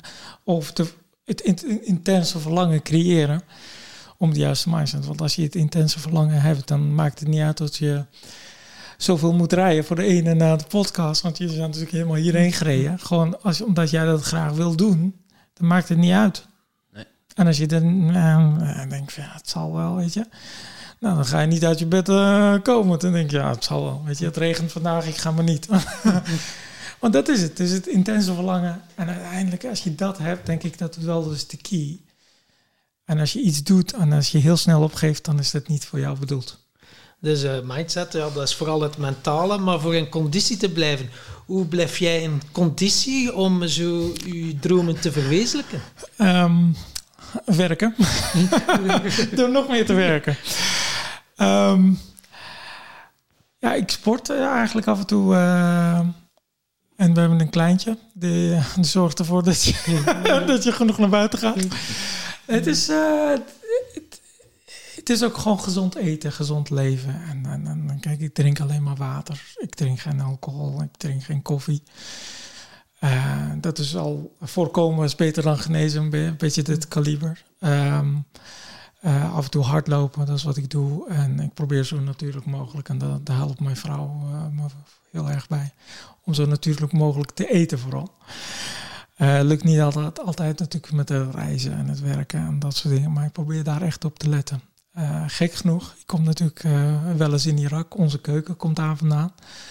En als je kijkt onder onze keuken, is het dus allemaal traditioneel. Het is allemaal, komt vaak rechtstreeks uit de natuur. En onze, ja, we wonen een stad, zeg maar, waar heel veel natuur is, zeg maar, rondom. En dus van huis uit zijn we altijd geleerd. Bijvoorbeeld bij ons vroeger ehm, had je sinaasappelen in de, zo, winter en ehm, tomaten in de zomer. En dat was het. Dus winters had je geen tomaten. Dus alles wat, wat je eet in het seizoen bijvoorbeeld bij ons smaken dingen ook veel beter dan wat je hier in de supermarkt koopt. Dus ik geloof daar ook daadwerkelijk in dat het eten uiteindelijk wel voor een groot deel je concentratievermogen en je, je energielevel bepaalt. En al die, al die eh, ja, processed food en al die eh, zeg maar vlees wat je krijgt met alle chemicaliën, troepen erin. Ik, ik geloof niet dat het helpt om eh, verder te komen in je leven. Dus ik ben benieuwd hoe wij, wat voor kwaaltjes wij krijgen. Onze generatie, zeg maar, of het generatie dan na ons, denk ik, en die, die millennials. Die opgegroeid zijn met de McDonald's van deze wereld. Ik ben benieuwd. uh, ja, we hebben, we hebben Joël? Goudsmit in onze podcast gehad. Die, ja, die heeft er 2,5 uur over gepraat. Over eh, ja, hoe slecht het allemaal is en wat je allemaal moet laten en wat je, wat je zeker niet moet doen. ja, Eh, het is shocking. absoluut. Ja, het is echt shocking. Ja. En dan we reden ook onderweg naar hier. eh ja, reden we langs, langs, langs de snelweg. Ik, ik had nog niet gegeten. Ik, had, ik zeg, ik moet echt wel eerst even iets eten, want anders Ja, ehm, krijg ik hoofdpijn. En daar heb ik, geen, heb ik op dit moment geen behoefte aan. ja, Eh, dan moet je even wachten en dan zit je daar ook weer doorheen. Ja. Alleen, ja, als, je, als je even wat minder in je energieniveau zit, dan is het ook weer onverstandig om dat te gaan uitdagen. Ik dacht, ik, ik ga, Tom, Tom die zit eh, in zijn eh, fasting op dit moment. Dus ik, Ja. ik moet even, even iets hebben. Maar we rijden langs een McDonald's, Kentucky Fried Chicken. Ik zeg, Ja. er zou eigenlijk gewoon een gebouw naast moeten staan met gezond eten. Ja. Ja, dan zouden er ook geen klanten naartoe gaan. We zijn uiteindelijk tankstation gestopt, even een zakje wortelen ges, ge- gesnaaid. goed. in ieder geval iets, eh, iets binnen heb. Ja. De McDonald's, dat gaat, gaat er gewoon niet in. Ja. Maar dat is ook je, ja, hoe, je, hoe je daarnaar kijkt. Maar ik denk dat het overgrootste deel van onze luisteraars wel overtuigd is van, van de kracht van, van goede voeding. Ehm, en daar hebben we het ook al een paar keer over gehad. Waar we, het, we nog heel weinig over gehad hebben, en waar ik wel benieuwd naar ben, is van hoe omring je jezelf met de juiste mensen? En ik, wij, wij hebben elkaar, onze paden kruisten elkaar en, en jij bent op mijn invitatie ingegaan. Of, of andersom, ik heb geen idee hoe het precies gegaan is. Ehm, maar vanaf dat moment, zeg maar, ja, wel geleerd om mezelf te omringen met de juiste mensen. Wij hebben daar onze podcast voor. Eh, maar hoe pak jij dat aan? Door gewoon simpelweg te vragen. Als je van iemand iets nodig hebt, gewoon te vragen. En ehm, hoe meer je vraagt, hoe meer je ja krijgt te horen. Zo simpel is het ook echt. Gewoon, gewoon openstaan voor mensen. En openstaan voor niet zozeer dat je per se iets bij iemand vandaan moet halen. Dat je ook de, de andere mensen ehm, echt een gesprek met ze aangaat. Bijvoorbeeld. Ehm, en dat je dan oprecht interesse toont in die andere mensen. En dan kunnen ze jou sowieso verder helpen. Maar dat je ook gewoon oprecht interesse in ze hebt. En dat je bijvoorbeeld ehm, kan vragen, bijvoorbeeld, ik heb, ik heb het een keer met jou gehad. Ik was net vader geworden. En dan denk ik, en dan belde je mij voor je podcast bijvoorbeeld. Van eh, we pakken dit aan, hoe zou ik het aanpakken en dat soort dingen. En, en dan zei jij, heb jij geen één keer een vraag gesteld van hoe gaat het met je eh, zoon bijvoorbeeld? Of hoe gaat het met je baby of wat dan ook? En achteraf dacht ik echt oprecht, hij heeft geen interesse in mij. Dat was, ik, dat was even een moment. Ik denk dat ik, Tim is vooral met zichzelf bezig. Op dat moment? Ja. Op dat moment, dat is wat ik dacht. En dan dacht ik, weet je, is ook goed. Ik ben ook wat jonger geweest en ik denk ook, weet je, hij is gewoon een razor sharp focus. Ik vond het wel leuk om te zien. En, en dat heb ik ook bijvoorbeeld, ik heb je die naam aan die, van die persoon ook gegeven. Ik heb echt een high-end ondernemer. Die zit in, de- ik denk de top, top 500 of eh, weet ik veel. Echt een van de eh, meest succesvolle ondernemers in Nederland. Ja, die, die kwam ik via via ook tegen. Ik zeg, nou, weet je, ik heb een vraag over ondernemen en dat soort dingen. Eh, gerichte vraag gesteld. Ik, heb, ik wil dit en dit gaan doen. En ik wil het wel even met je neerleggen. Mag ik een keer, eh, mag ik je uitnodigen voor een kop koffie? Kijk, alleen een kop koffie, daar ben ik mee opgehouden. Want zoals jij het hebt gevraagd, kop koffie. Ik denk, weet je, ik ga gewoon met iedereen een kop koffie drinken. Want ik, ik, ik voelde me een beetje een soort, ik pak mijn moment wel. Want ik was net bij, bij Michael geweest op stage. En ik kreeg allerlei aanbiedingen, allerlei vragen. Ik denk, ja, ik ga gewoon eh, ik met iedereen een kop koffie drinken, weet je wel. Op een gegeven moment ga je gewoon qua tijd niet meer redden. Dus je denkt van, nee, ik ga niet meer. Ik heb ook wel eens met mensen... eh, na een kwartier dacht ik van, een kop koffie is goed geweest. Ik eh, ga weer verder, weet je. Ehm, maar die...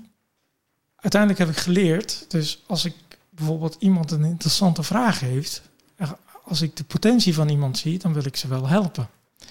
En ik denk dan ook dat dat ook geldt voor mij, dat als mensen de potentie zien, dat die ook mij willen helpen. Want eigenlijk wat mensen, mensen willen elkaar helpen. Mensen willen elkaar altijd helpen in wezen, in de basis. Hè? Alleen je wilt je tijd niet voor doen.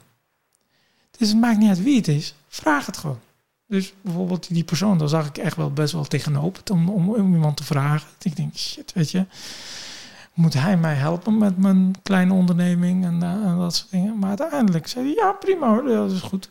En toen hebben we afgesproken en later nog een keer afgesproken. En we komen, en dus we zien elkaar ook wat steeds vaker nu. Het is een soort meer vriend geworden dan een echt een mentor. Um, maar dan zie je ook bijvoorbeeld iemand die op zo'n hoge, zo drie, vier, vijftien levels hoger zit. In wezen dezelfde persoon is. In wezen dezelfde uitdagingen heeft, dezelfde problemen thuis heeft als jij. En dus we, zitten, we zijn allemaal mensen. Dus ze zijn niet beter of slimmer of wat dan ook. Alleen ze zijn verder in ontwikkeling. Je moet het als level zien, dat heb je goed gezegd. En jij zit een beetje in een, in een vroegere level. En hij is wat verder in het leven, maar ook gewoon in de game. Ja, ja. En dan, ja, en wat jij doet is een beetje een soort cheating, zeg maar. Een cheatingcode gebruiken, gewoon om verder te komen in het leven. Om je leven wat makkelijker te maken. En zo zie ik het dan ook. En vaak, en heel veel mensen onderschatten het gewoon, gebruik LinkedIn. De meest, meest bekende Nederlanders, de meest bekende ondernemers en dat soort dingen. Die kun je heel, heel makkelijk persoonlijk bereiken. Probeer ze maar via bedrijf te bereiken. Nou, daar kom je echt niet hoor. Nou, dat is heel grappig dat je dat zegt. Want we hebben dat, we hebben voor, de, voor de podcast tour hebben we best wel, uh, best wel wat mensen aangesproken. Uh, die we niet kennen. Ja. Uh, en dan stuur je ze een mailtje. Het probeert via meerdere kanten. Hè. Dus je stuurt ze een mailtje via het bedrijf. En dan krijg je van een vrouw of van een dochter te horen van... sorry, maar die persoon is op vakantie. Terwijl dat we van diezelfde personen al een persoonlijk berichtje hadden gekregen. Tuurlijk jongens, kom maar langs. Hè, dat, ja, ja, de vrouw en de dochter dezelfde persoonlijke assistent. Dit is Juist, ah, ja, sorry, ja, ja. Ik moet even, even het kader nee, dat, dat, er nog een laag tussen zit. Hè, dat, dat die laag eromheen. beschermd worden, afgeschermd ja. worden. Maar als je, ja, als je een directe ingang vindt, dat het dan plots wel kan. Ja. ja. En dat is precies wat je zegt, van LinkedIn, dat, dat werkt wel, uh, meestal werkt dat wel rechtstreeks. Ja. Dat werkt het best uiteindelijk, heb ik, heb ik begrepen voor... Uh, voor dat soort uh, zaken, zeg maar. Als je daadwerkelijk... Kijk, we kunnen natuurlijk altijd... Je kan natuurlijk altijd nee horen. Maar goed, dan denk ik, ja, prima. Ja, dat is, ook goed. En, meestal ook wel als je iemand... Ja, we hebben dan bijvoorbeeld Thijs Lindhout in de podcast gehad. Laatst hadden we Thijs Lindhout gehad. En toen we vroegen wie ons zou aanbevelen, liet jij jouw naam vallen. Uh, zie het zit nog met ons in gesprek te gaan. En dan heb je al via iemand. En als dat vrienden zijn, of, of ja, dan komen er ook mooie... Zo kom je verder. Zo kom, Zo kom je verder in het leven. Maar dat is eigenlijk in het echte leven ook niet anders. Durven vragen. Durven vragen vooral. Ja. En dan het ergste wat je kan overkomen, kan ik jou vertellen, is nee. maar een nee is ook niet een nee, hè? Als je de beste verkopers uh, bij nee begint, de verkoop pas. Ik heb dat gehoord van uh, Timothy heeft mij dat verteld en het deed mij denken aan het boek van Think and Grow Rich. Mm Dat Margo Pilarczyk, ah, ik wil coaching van jou in het seminar. Uh, vertelde mijn verhaal. Kan je dat nog even vertellen? Want jij bleef recht staan of zo. Iets. Dat, de zaal, ja, dat, dat, dat, je in de zaal stond en uh, uh, dat Michael iets vroeg. Ja. Uh, en dat hij in eerste instantie dat hij je negeerde, maar dat jij bleef recht staan. Ja. Ja, ja, ah ja, dat was het. Ja, ik weet het. Want ik dacht, eh, want je hoort overal, het was uh, in de eerste seminar dat ik er zat. Ik denk, uh, eerste dag dacht ik van, ja, weet je, ik moest van mijn vrouw trouwens mee. Dus ik vond het eigenlijk helemaal niks aan. zij vond het een goed idee, dus we zijn geweest, zoals je wellicht kan vermoeden. En op een gegeven moment dacht ik, in de tweede dag ging het wel echt een beetje, in de eerste dacht ik, altijd meditatie, gedoe. Nou, ik kwam er doorheen, gelukkig. En de tweede dag dacht ik van, nou, het begint wel, wel interessant te worden. En op een gegeven moment, nou, hij vertelde dingen van, nou ja, je moet een coach hebben. En als je iets moet zoeken, als iemand moet zoeken, zoek de beste die er is. En durf niet te uh, gewoon vragen van het ergste wat je kan overkomen is nee. Dus ik denk, uh, ik pak mijn kans. Dus ik heb allemaal die vragenronde, mijn handen uitgestoken. Op een gegeven moment ben ik gaan staan en mijn handen uitgesteken. Dus op een gegeven moment kan je niet omheen. Als je jezelf een beetje te kakken zet, kom je verder ook in het leven. Ik krijg heel warm van binnen, maar... Uh, ja, weet je, weet je, en dan denk ik, weet je, die mensen kennen mij niet. En het zit me geen bal wat die mensen van mij vinden, weet je. Weet je, als ik, Als ik, ga, ik ben hier om een doel te bereiken. En niet om 700 vrienden te maken. Om aardig gevonden te worden door 700 mensen. Daar ben ik persoonlijk niet geïnteresseerd in. Uh, dus ik ging, op een gegeven moment heb ik gezegd van... Uh, Michael, ik heb je verhaal aangehoord. Dankjewel. Um, ik ben nu overtuigd geraakt dat ik een coach nodig heb. En, ik ben, en um, je hebt gezegd dat, dat je als je een coach iemand zoekt, zoekt dan het beste die er is. Ik vind dat jij de beste bent. Wil je mijn coach worden? En toen ging hij lachen. Toen ging de hele zaal lachen. En uh, toen zei hij, nee, ik coach niet. Ik denk, oké. Okay. Ik bleven staan. Ik heb een microfoon in mijn handen. Ik denk, ik, ik ga hem niet weggeven. Echt niet. Ik ga gewoon blijven staan. En toen keek hij om. En toen zag hij mij staan. Ik zeg, ja, wat wil je? Ik zeg, nou, dat je mijn coach wordt. En toen begon de hele zaal te lachen. En hij kon er eigenlijk gewoon een beetje, bijna niet omheen. Ik heb een beetje een soort awkward situatie ontwikkeld voor mezelf. Ik denk, ja, weet je, interesseert mij geen bal. En op een gegeven moment, maar hij, is, hij moet natuurlijk door met het programma, denk ik, achteraf, denk ik nu. Dus hij denkt, shit, wat ga ik nu doen? Maar ik coach niet. Ik zeg, ja, oké. maar ik ga het toch vragen, dus uh, ik wil wel graag dat je het doet. Hij zei voor de, volgens mij voor de vierde keer of zo, ik coach niet. En, en toen zei hij, en toen zei hij, ja, wat wil je gaan doen? Ik zeg, nou, ik ga wachten totdat je ja zegt. en toen kon hij er echt niet omheen. En toen heeft hij gezegd, weet je wat, ik coach nog steeds niet. maar um, we gaan één gesprek inplannen, één op één gesprek. En dan gaan we het doen een keer samen. Toen dacht ik, weet je, ik heb mijn ingang. Ik heb mijn voet tussen de deur. En uh, ik zorg bijvoorbeeld dat hij mijn coach wordt tijdens dat gesprek. En, uh, en zo is het eigenlijk ontstaan. Dus toen hebben we dan dus uh, later hebben we dan volgens mij een half jaar later ergens een keer gebeld. En toen uh, heb ik hem het verhaal verteld. Het hele verhaal, zeg maar. Van uiteindelijk, zeg maar, als vluchteling hierheen. Een beetje een leventje opgebouwd. Autohandel. Toen failliet. Toen weer via dingen. Via een ander bedrijf. En weer een winkels gestart. En uh, dat soort dingen. En het idee wat ik had, bijvoorbeeld voor het hotel, voor een hotelbouw, een resort. Ik wilde per se een hotel, bijvoorbeeld op de Malediven, zo had ik het bedacht. Um, uiteindelijk werd het iets anders. uh, maar. En, en toen raakte hij een beetje, denk ik wel, onder de indruk van het hele verhaal, van het hele proces. Dus dan heeft hij gevraagd van, weet je, je hebt niet een coach nodig, want eigenlijk alles wat je doet, doe je goed. Uh, en ik coach nog steeds niet. uh, dus, uh, maar wat ik wel kan doen is, ik kan je naar, dus uitnodigen op de Business Edition. Uh, een Business Edition. Dus ja, ik denk, ja, weet je, prima, ik ben sign me up, weet je wel. Ehm, maar mijn eerste instinct, dat, dat was het ook. Mijn eerste instinct dacht ik van, fuck, die, die, die weekend dat hij had, had ik de opening van deze winkel toevallig. Denk, ja, ik heb een opening, ik kan toch niet naar een naar een ding gaan. dacht ik, fuck die opening, weet je. Ik ga gewoon. En toen ben ik die dag gegaan. En dus als een opportunity comes, weet je, gewoon durf dan ook gewoon te gaan. En gewoon niet in het dagelijkse sleur te raken. Gewoon laten gaan. Want als ik bijvoorbeeld uh, gewoon naar de opening was gegaan en niet bij die event, was er heel veel dingen die achteraf gebeurd waren, was het nooit gekomen. Want je hebt er natuurlijk een momentum te pakken. En op een gegeven moment zat ik daar in die zaal. En op een gegeven moment uh, kwam zijn assistente vragen van... zou je het leuk vinden of zou je durven om naar de stage te komen? Ik denk, ja? En hij was gewoon vergeten, de hele stage. Ik denk, ja, verdomme, ik ben hier op de tweede dag. Ik denk, ik ben hier om stage te komen. Dus ik ga ook zorgen dat ik op stage kom. Dus ben ik weer gaan staan. ik ken die ondertussen nou, ja, het is een donkere zaal. Maar toen ben ik, toen, dat was te gast. En uh, Dempeña, die, dit is een, uh, ja, echt zo'n harde zakenman met een echt gewoon een harde motherfucking attitude. En die zei van, um, je mocht Dempeña vragen stellen. Maar niemand durfde, want die, die scheldt je soms als je stomme vragen stelt, schet je helemaal verrot.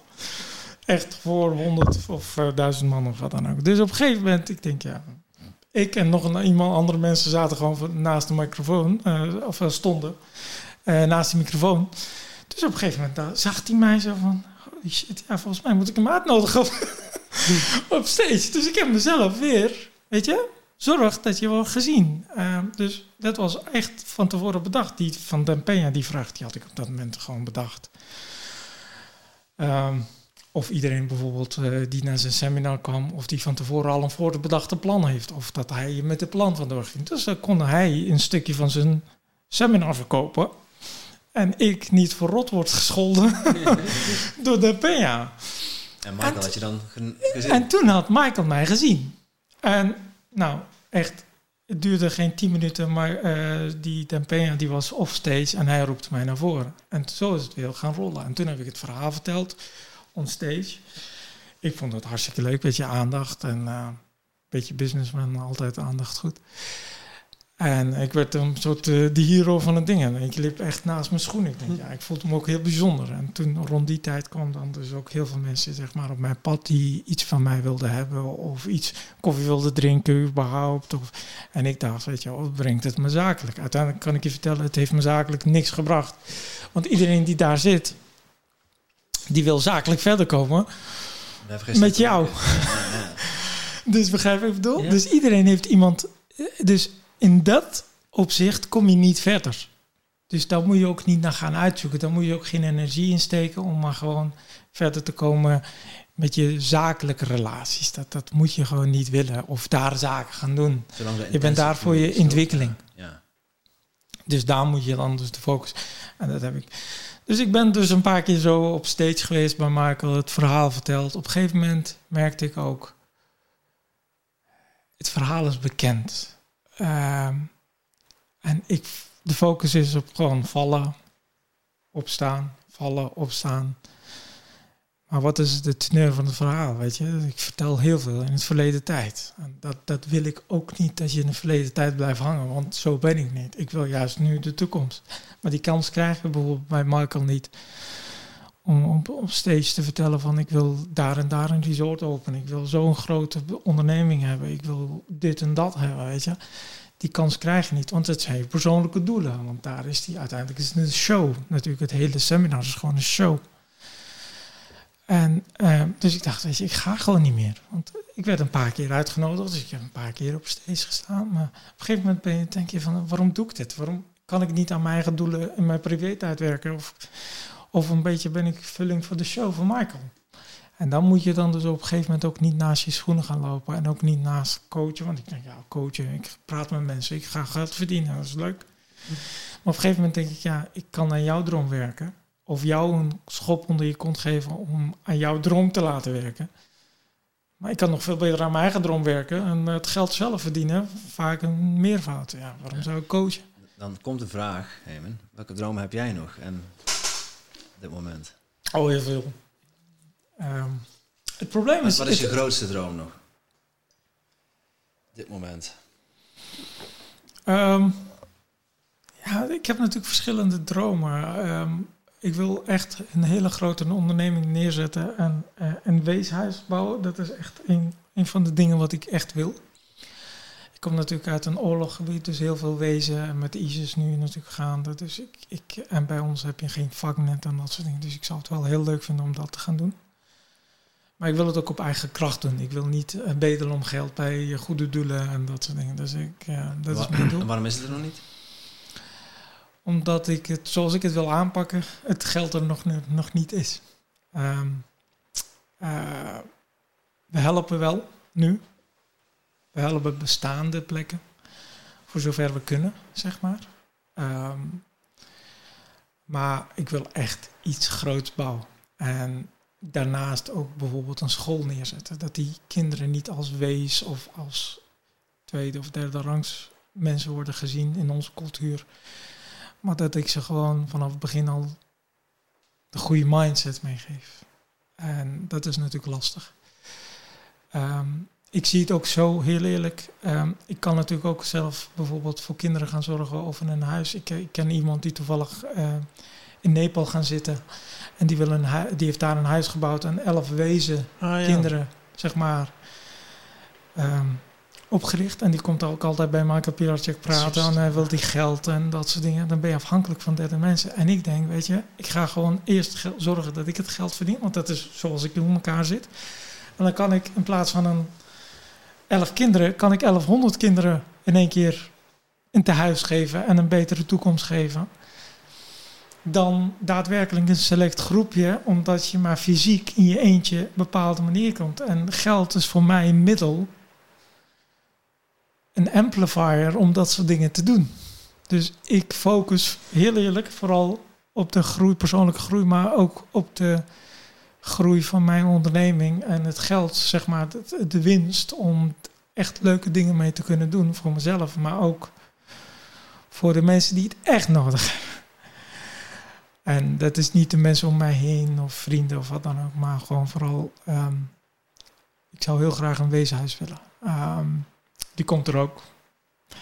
Alleen uh, op welke termijn kan ik je dat nu niet vertellen, helaas. Um, ja, en daarnaast, joh, dat, uh, ik, ik heb uh, genoeg ideeën. Ik zou, het, ik zou het liefst een hotel bouwen, een hotelchain around the world. Met twintig, dat is op dit moment het plan. Kan volgend jaar weer anders zijn. En, maar wat ik wel geleerd heb is, weet je, wees flexibel met je uiteindelijk met je doel.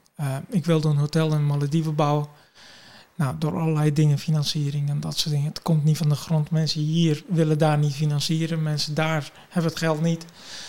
En ik ben niet lokaal en dat soort dingen. Dus dan ga je gewoon zoeken van, nou, wat kun je dan nog meer bouwen? Dan, dan ga je bijvoorbeeld iets anders doen. Dan ga je dan dus een resort ergens anders bouwen waar je wel zeg maar de contacten hebt. Dus dan werd er een, een hotel in Irak, een resort in Irak in plaats van waar ik vandaan kom, zeg maar in Koerdistan, in het noorden van Koerdistan, in plaats van Malediven. Ik denk, weet je, Malediven ben, zit ik al negen maanden aan, aan lopen te trekken. En dan heb ik de gekste, echt de gekste dingen gedaan. Ik heb bijvoorbeeld, ik denk, ik krijg hier geen financiering. Waar zit het geld op de wereld bijvoorbeeld? Nou, ik denk, het geld zit in China. Ik spreek geen Chinees, ik heb nul contacten. Het geld zit in Dubai. Ik ga naar Dubai. Ik ben gewoon echt gewoon zonder kennis van Dubai. Ik ken niemand, zeg maar, zo in Dubai. Ik ben gewoon twee weken naar Dubai gegaan. Ik ben naar al die chique clubs en al die chique bars geweest. Ik denk, ja, dan ga ik zakenmannen tegenkomen.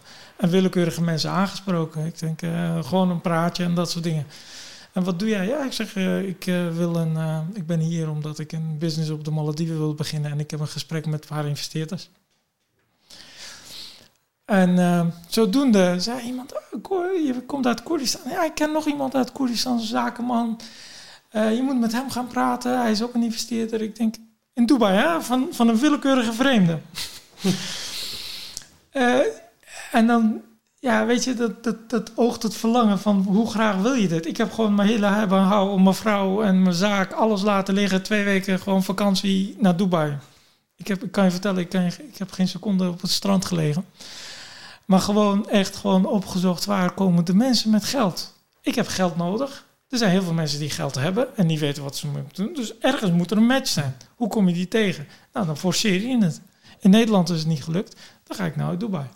En zo kwam ik dan dus met die Irakese contact. Die zei van, nou, oh, ik uh, zat gisteren in Dubai. Ik ben nu in Koerdistan.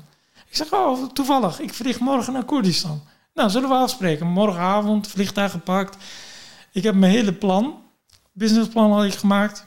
Gewoon veranderd. Ik dacht, ik heb een berg in Koerdistan gekocht een aantal jaar geleden. Ik heb mijn hele businessplan veranderd. Want ik wist, die man die heeft totaal geen interesse om een Malediven resort te beginnen. Maar het is een zakenman. Als ik hem nou in onze eigen stad in iets voorschotel die er nog niet is en uniek is, dan kan ik geen nee tegen zeggen.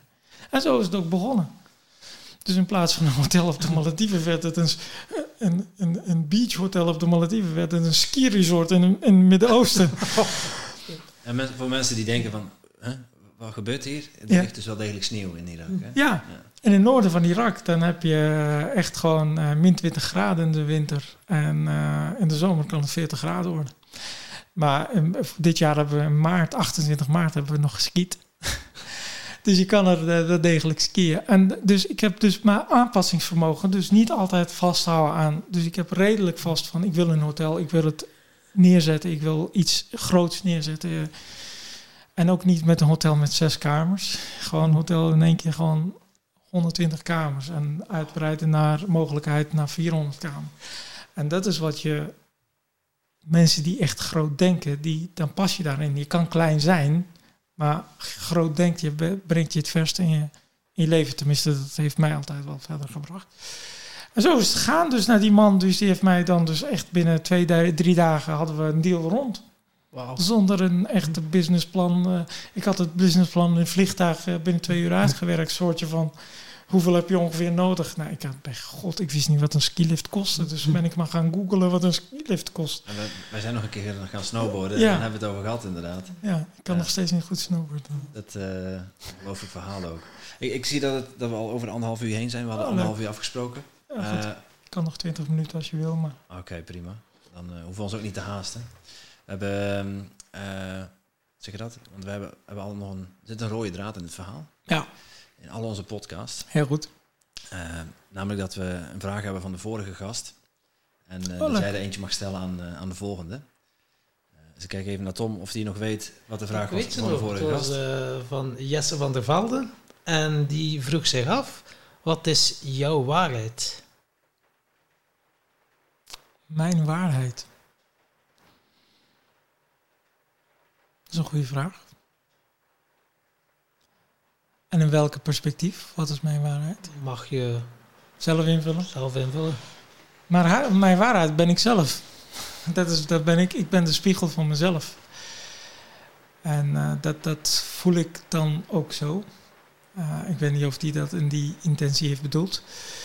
Dat is nou, als je het nou over een goede vraag hebt. eh, Dat is ook eigenlijk iemand die eh, ja, succesvol zakenman is geweest en vooral eh, met superfood en zo bezig, Mhm. maar nu wel de switch aan het maken is spiritueel, spirituele detox. En hij begeleidt nu ceremonie, heeft verschillende succesvolle bedrijven, maar hij voelt, oei, mijn waarheid is nu wel met plantmedicijnen werken. En Oké. dus heeft echt wel... eh, Oké, ja, maar dan heb je het over je, wat is jouw, in de categorie van wat is jouw purpose, waar zit jij het dichtst bij? En ik bedoel denk ik toch wel iets anders. Ehm, weet je, ik, ik vind dat de waarheid altijd heel dicht bij jezelf zit. En eigenlijk in je zit. Maar door al die verkeerde vragen stellen, of de verwachtingen van anderen te kunnen overtreffen, of te kunnen bijbenen vooral, want dat is wat heel veel mensen last van hebben, dat je dan dus je waarheid eigenlijk een beetje verstopt. En, ehm, maar de waarheid is er eigenlijk al. De waarheid zit diep van binnen in je. Ja, wat betekent waarheid voor jou eh, als begrip? Ja, de, de, de, de truth, hè? De, de, de echte zelf. Dat, zo zie ik dat dan. Dus eh, de echte, hoe ben je echt zelf? Dus kun je bijvoorbeeld jezelf goed in de spiegel aankijken, zeg maar. Als je vanavond naar huis gaat, heb ik de Met waarheid 23 verteld. miljoen, miljoen dollar eh, op, je, op je rug eh, ergens rondtrekt. Bijvoorbeeld. Ja. Maar ik kan je vertellen, dit, die droom heb ik laten varen hoor. Ehm, ik weet wel bijvoorbeeld eh, wat mijn weeshuis nodig heeft. Ik weet wel wat ik voor een bedrijf nodig heb. Ik heb, Gek genoeg. ik, heb, ik heb het eerder over degene die jou Ja. bedrogen heeft en nu met, met dat schuldgevoel moet leven. Ja. Ja. Nou goed, ik, ik weet niet of die schuldgevoel heeft. Ehm het interesseert mij eigenlijk ook niet meer. ehm, weet je, maar ik kan me niet voorstellen dat je zoveel mensen zo bedondert en dat, je, Karma. dat, dat het goed met je gaat. Uiteindelijk niet. Eh, ik denk dat het je tegenkomt, dat, dat het je toch tegenkomt uiteindelijk. Eh, maar gewoon goed doen voor jezelf. En dat je gewoon elke dag eh, het beste van jezelf eruit kan halen. En het beste doet wat je kan überhaupt. En, en, en dat is wel, denk ik wel het recept voor geluk uiteindelijk. Als je, er alles in hebt gedaan en het is gelukt of niet gelukt. Dan maakt het eigenlijk helemaal niet uit. Want je hebt- je best gedaan. Alles geprobeerd. Kijk, het is, als, je, als je het niet probeert, dan, dan ga je pas spijt ervaren of niet voldoende effort geeft. Die, hebben we natuurlijk, die momenten hebben we natuurlijk met z'n allen. In bepaalde fases in ons leven. Maar ehm, dat, ehm, dat is denk ik wel dat, eh, mijn waarheid. En dat je dan dus ook meteen ook het gevoel voor ehm, echt geluk, denk ik, wat ik ervaar. Want ik heb geen getal meer voor mezelf. Ik denk dat op een gegeven moment heb je. Kijk, geld is natuurlijk niets waard hè, uiteindelijk. Geld is gewoon eigenlijk een middel om jezelf zelf zekerheid eigenlijk te verkopen. Dus als je zoveel hebt, dan ben je zeker. Maar die zekerheid heb je niet. Want dan, Volgende een dag kan het... Dan kan het weer anders Aankloppen en geef wat terug. precies. Ja. Of, of weet je, weet ik veel, de wereld gaat naar de hel. ja, ja. Dus weet je, het maakt allemaal niet uit. Maar het is eigenlijk, en als je dan dus bijvoorbeeld die, die, die eh, bedrag heb je, wat ik bijvoorbeeld, ik had een heel duidelijk bedrag. En die heb je gehaald. Dat staat dan op een gegeven moment op je rekening. En dan ga je dan denken, ja, zo makkelijk. Ja. Dan ga ik hem vertienvoudigen. En op een gegeven moment, als je dat ook hebt, dan denk ja, dat maakt eigenlijk niet uit. Kijk, en ik kan dat dus verder bijvoorbeeld in je ride race meegaan. Dat is helemaal prima, ieder zijn ding. Uh, maar ik ben wel opgehouden met voor mezelf privé uh, een ride race te houden. Inmiddels. En Maar goed, dat is uh, die luxe positie die je dan. En dan, eh, oké, de waar- we hebben het al zo gehad. Het fysieke, het emotionele, het mentale. Hoe is het met jouw spiritueel kantje? Ehm, ik denk dat ik dat nog veel te ontwikkelen heb.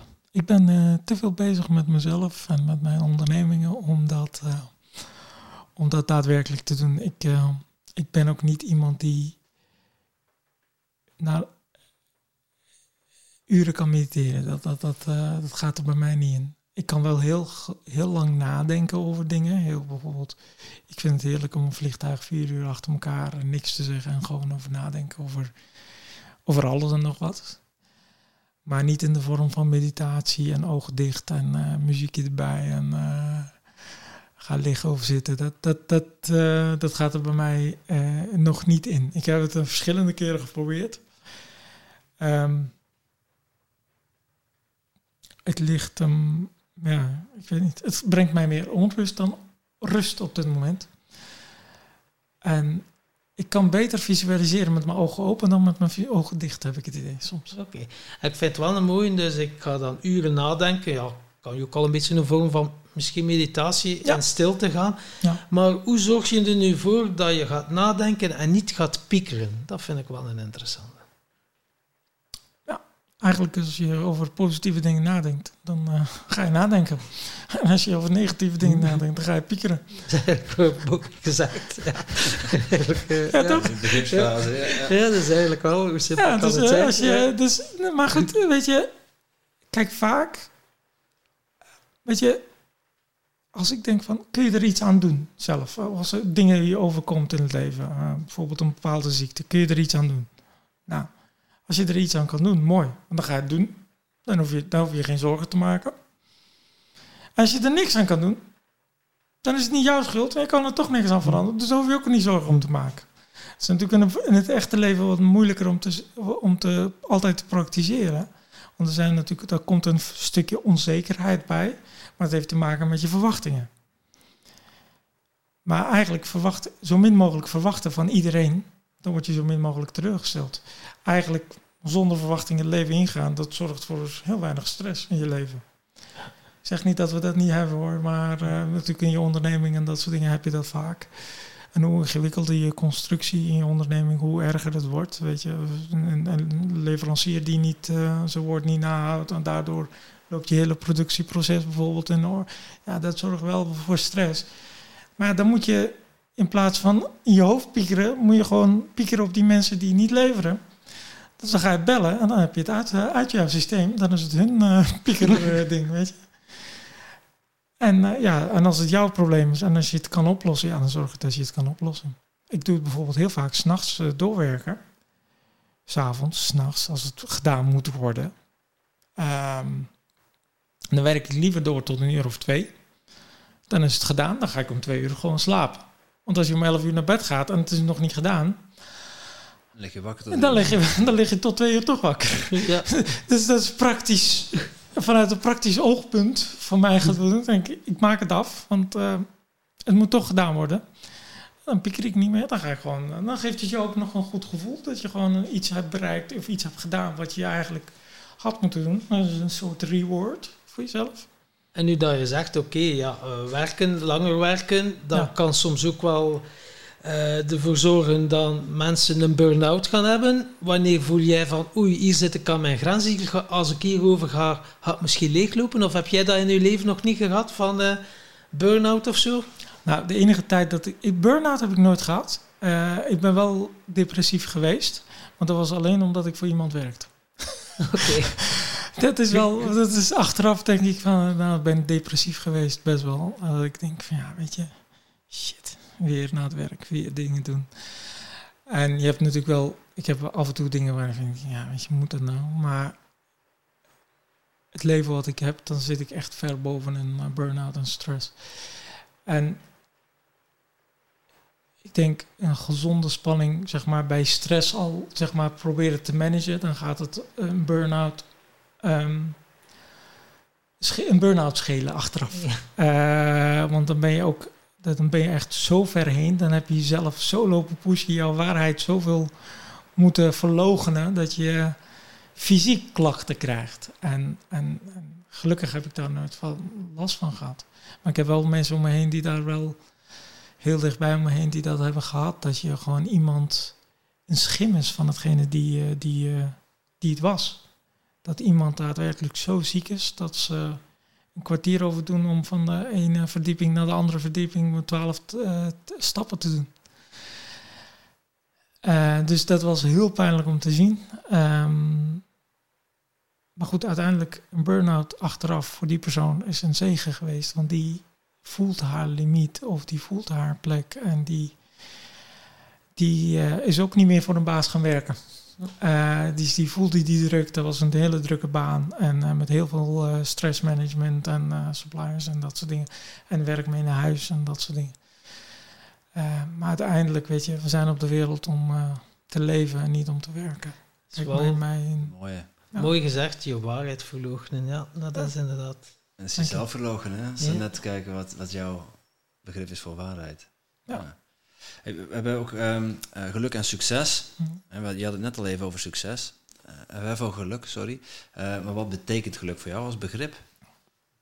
Ehm, het geluk is eigenlijk, ehm, voor mij persoonlijk is het dan, zeg maar, blij zijn, content zijn met jezelf en met de omgeving, zeg maar, die, met hetgene wat je hebt en met de omgeving die je hebt. En dankbaar zijn voor wat je hebt. Want als je dankbaar bent voor wat je hebt, dan krijg je ook vaak ook meer. En dat is wel wat ik uiteindelijk echt heb moeten ervaren. Want eh, valkuil van mensen die heel ambitieus zijn, zoals ik een paar jaar geleden was, omdat ik per se triggering, weet je, dan, je, dan ben je op je bek gegaan dan wil je weer opnieuw, is dat je eigenlijk in de toekomst leeft en dat je eigenlijk de doel die je vandaag hebt behaald, dan is het behaald, on to the next one. Weet je, dat, je op een gegeven moment je, je doelen niet meer viert of eh, je behaal, het behalen van succes niet meer viert. Want dan denk je, weet je, nou, deze maand omzet is binnen, volgende maand omzet. Of ik heb nu de, mijn auto binnen en nu wil ik eigenlijk een betere auto. Of ik wil een groter huis. Ik was daar volledig mee bezig en dat is een soort red race waar je niet uitkomt. En op een gegeven moment ga je dan op een gegeven moment, en ik moet zeggen, het is door het komt van mijn eerste kindje, dat, eh, daar hebben we best wel, dat, dat heeft mij in ieder geval doen veranderen. Dat er ook een leven naast het werk is. Dat je dus ook gewoon van de meest basale dingen kan genieten. Zoals een kind die voor je zit te eten. Dus je denkt van, nou, wat is dat mooi. En daarvoor denk je een kind die zit te eten, weet je. Je, dus dan ga je echt, al die cliché dingen kloppen wel. En eh, ik moet maar zeggen, ik dacht dat het me nooit ging raken, maar het heeft mij uiteindelijk wel geraakt. Dus zorgt er ook voor dat ik meer thuis ben en dat ik dan dus ook zorg dat ik, eh, wanneer ik kan, dat ik ook thuis blijf. Dus dat verandert. eh, en da- vandaar ook dat het bijvoorbeeld geluk, zeg maar, gezondheid, geluk, content zijn met jezelf en je omgeving. Dat is voor mij, en dankbaar zijn voor hetgene wat je hebt, dat is voor mij geluk. Dus uw kindje is eigenlijk een beetje jouw little guru. Eh, deels, ja, deels wel. Weet je, ondankbare guru. maar hij doet het goed. Ja, het, is, het, het brengt je, het brengt je andere inzichten. Dus ehm, ik, Spiegel, ik, was, ja, ik was er ook best wel bang voor. Want ik denk, weet je, ik heb natuurlijk heel veel kinderen opgevoed. Mijn zusjes en mijn broertjes als mijn eigen kinderen opgevoed.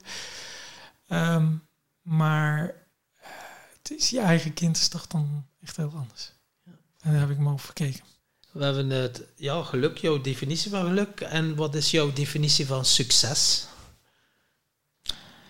Ehm, succes is voor mij iets bedenken in je hoofd uit het niets.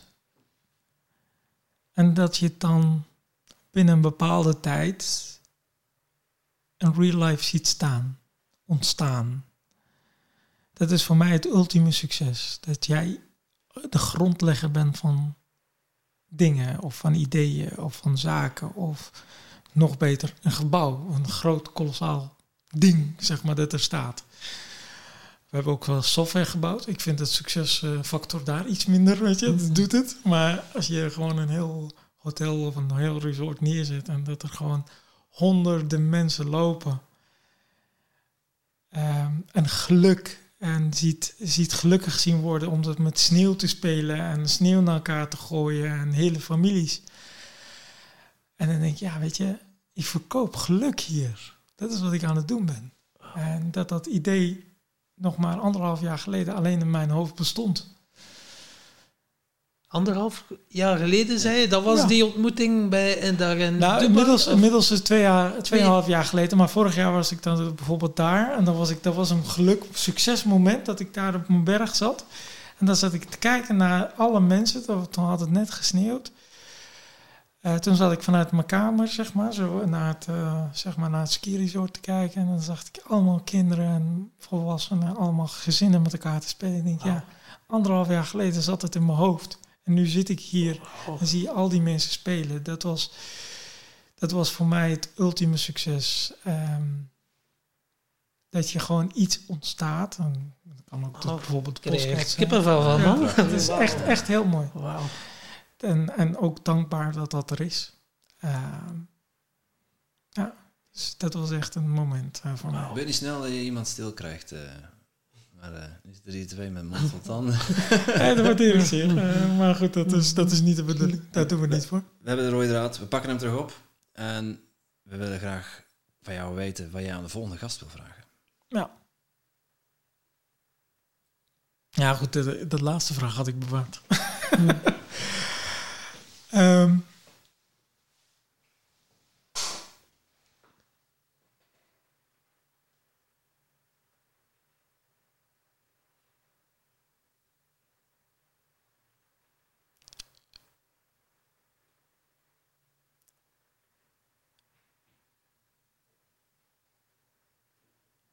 Waar wil, waar wil je, als je terugkijkt op je leven, op je sterfbed, waar wil je het meest trots op zijn? Oh, ik kwam van diep, dus het is, een, uh, het is gelijk ook een mooi. Ja. Ik uh, moest er even over nadenken, je viel me een beetje mee, maar ik denk, de highlight of your life, um, dat moet ook een doel van je life zijn. Ik ben benieuwd. Tot slot, ja, je hebt al gezegd, ik doe geen coaching meer, dus dan moeten mensen jou ook niet bellen. Nee. Um, maar uh, ik wil je gelegenheid bieden om dan nog even voor je, uh, voor je brillenwinkel uh, reclame te maken. Oh nee, dat is. we hebben genoeg klanten hoor. Ja? Nee, dan zeker, een, zeker geen mensen uit Vlaanderen. Dan hoeven niet helemaal naar Utrecht. De Nederlandse luisteraars. Nee, uiteraard. nee, kijk, ik heb meerdere winkels. de meest bekende zijn Onopticians, die zitten in Driebergen en Renkum.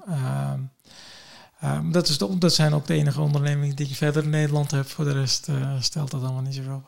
Maar we hebben het best wel druk. We hebben eigenlijk uh, gek genoeg. Uh, eigenlijk proberen we zo min mogelijk afspraken te maken op dit moment. dus het gaat goed. Knip het eruit. maar dat is dus echt een beetje de, de, de draad van mijn. Eigenlijk on, alle ondernemingen zo'n beetje. Ik, ik, wil, ik wil het niet kunnen verkopen, hoeven te verkopen dat het op zichzelf zichzelf verkoopt. Bijvoorbeeld hier is het de prijs en bij andere winkel is het dan de beleving. En de andere winkel of in een hotel is dan vooral het beleving, geluk, het aparte. En dan hoeven ze, het maakt niet uit of ik daarvoor sta of jij of iemand anders. Ze komen voor het product. Kijk en dan word jij onmisbaar en dan is het gewoon, dat is gewoon echt gewoon succes overnight. Als je dat gewoon kan doen, van wat willen mensen en wat is onmisbaar, zeg maar. Wat, wat, als je dat kan doen, gewoon de missing link. Dan hoef je helemaal niet te promoten.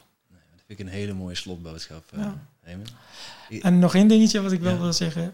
Zolang je ban- eh, bang bent om te falen, ben je nog niet klaar voor succes. Dat is wat ik Mooi. altijd zeg. Dankjewel. Even een je gezicht. Kijk, je mag je...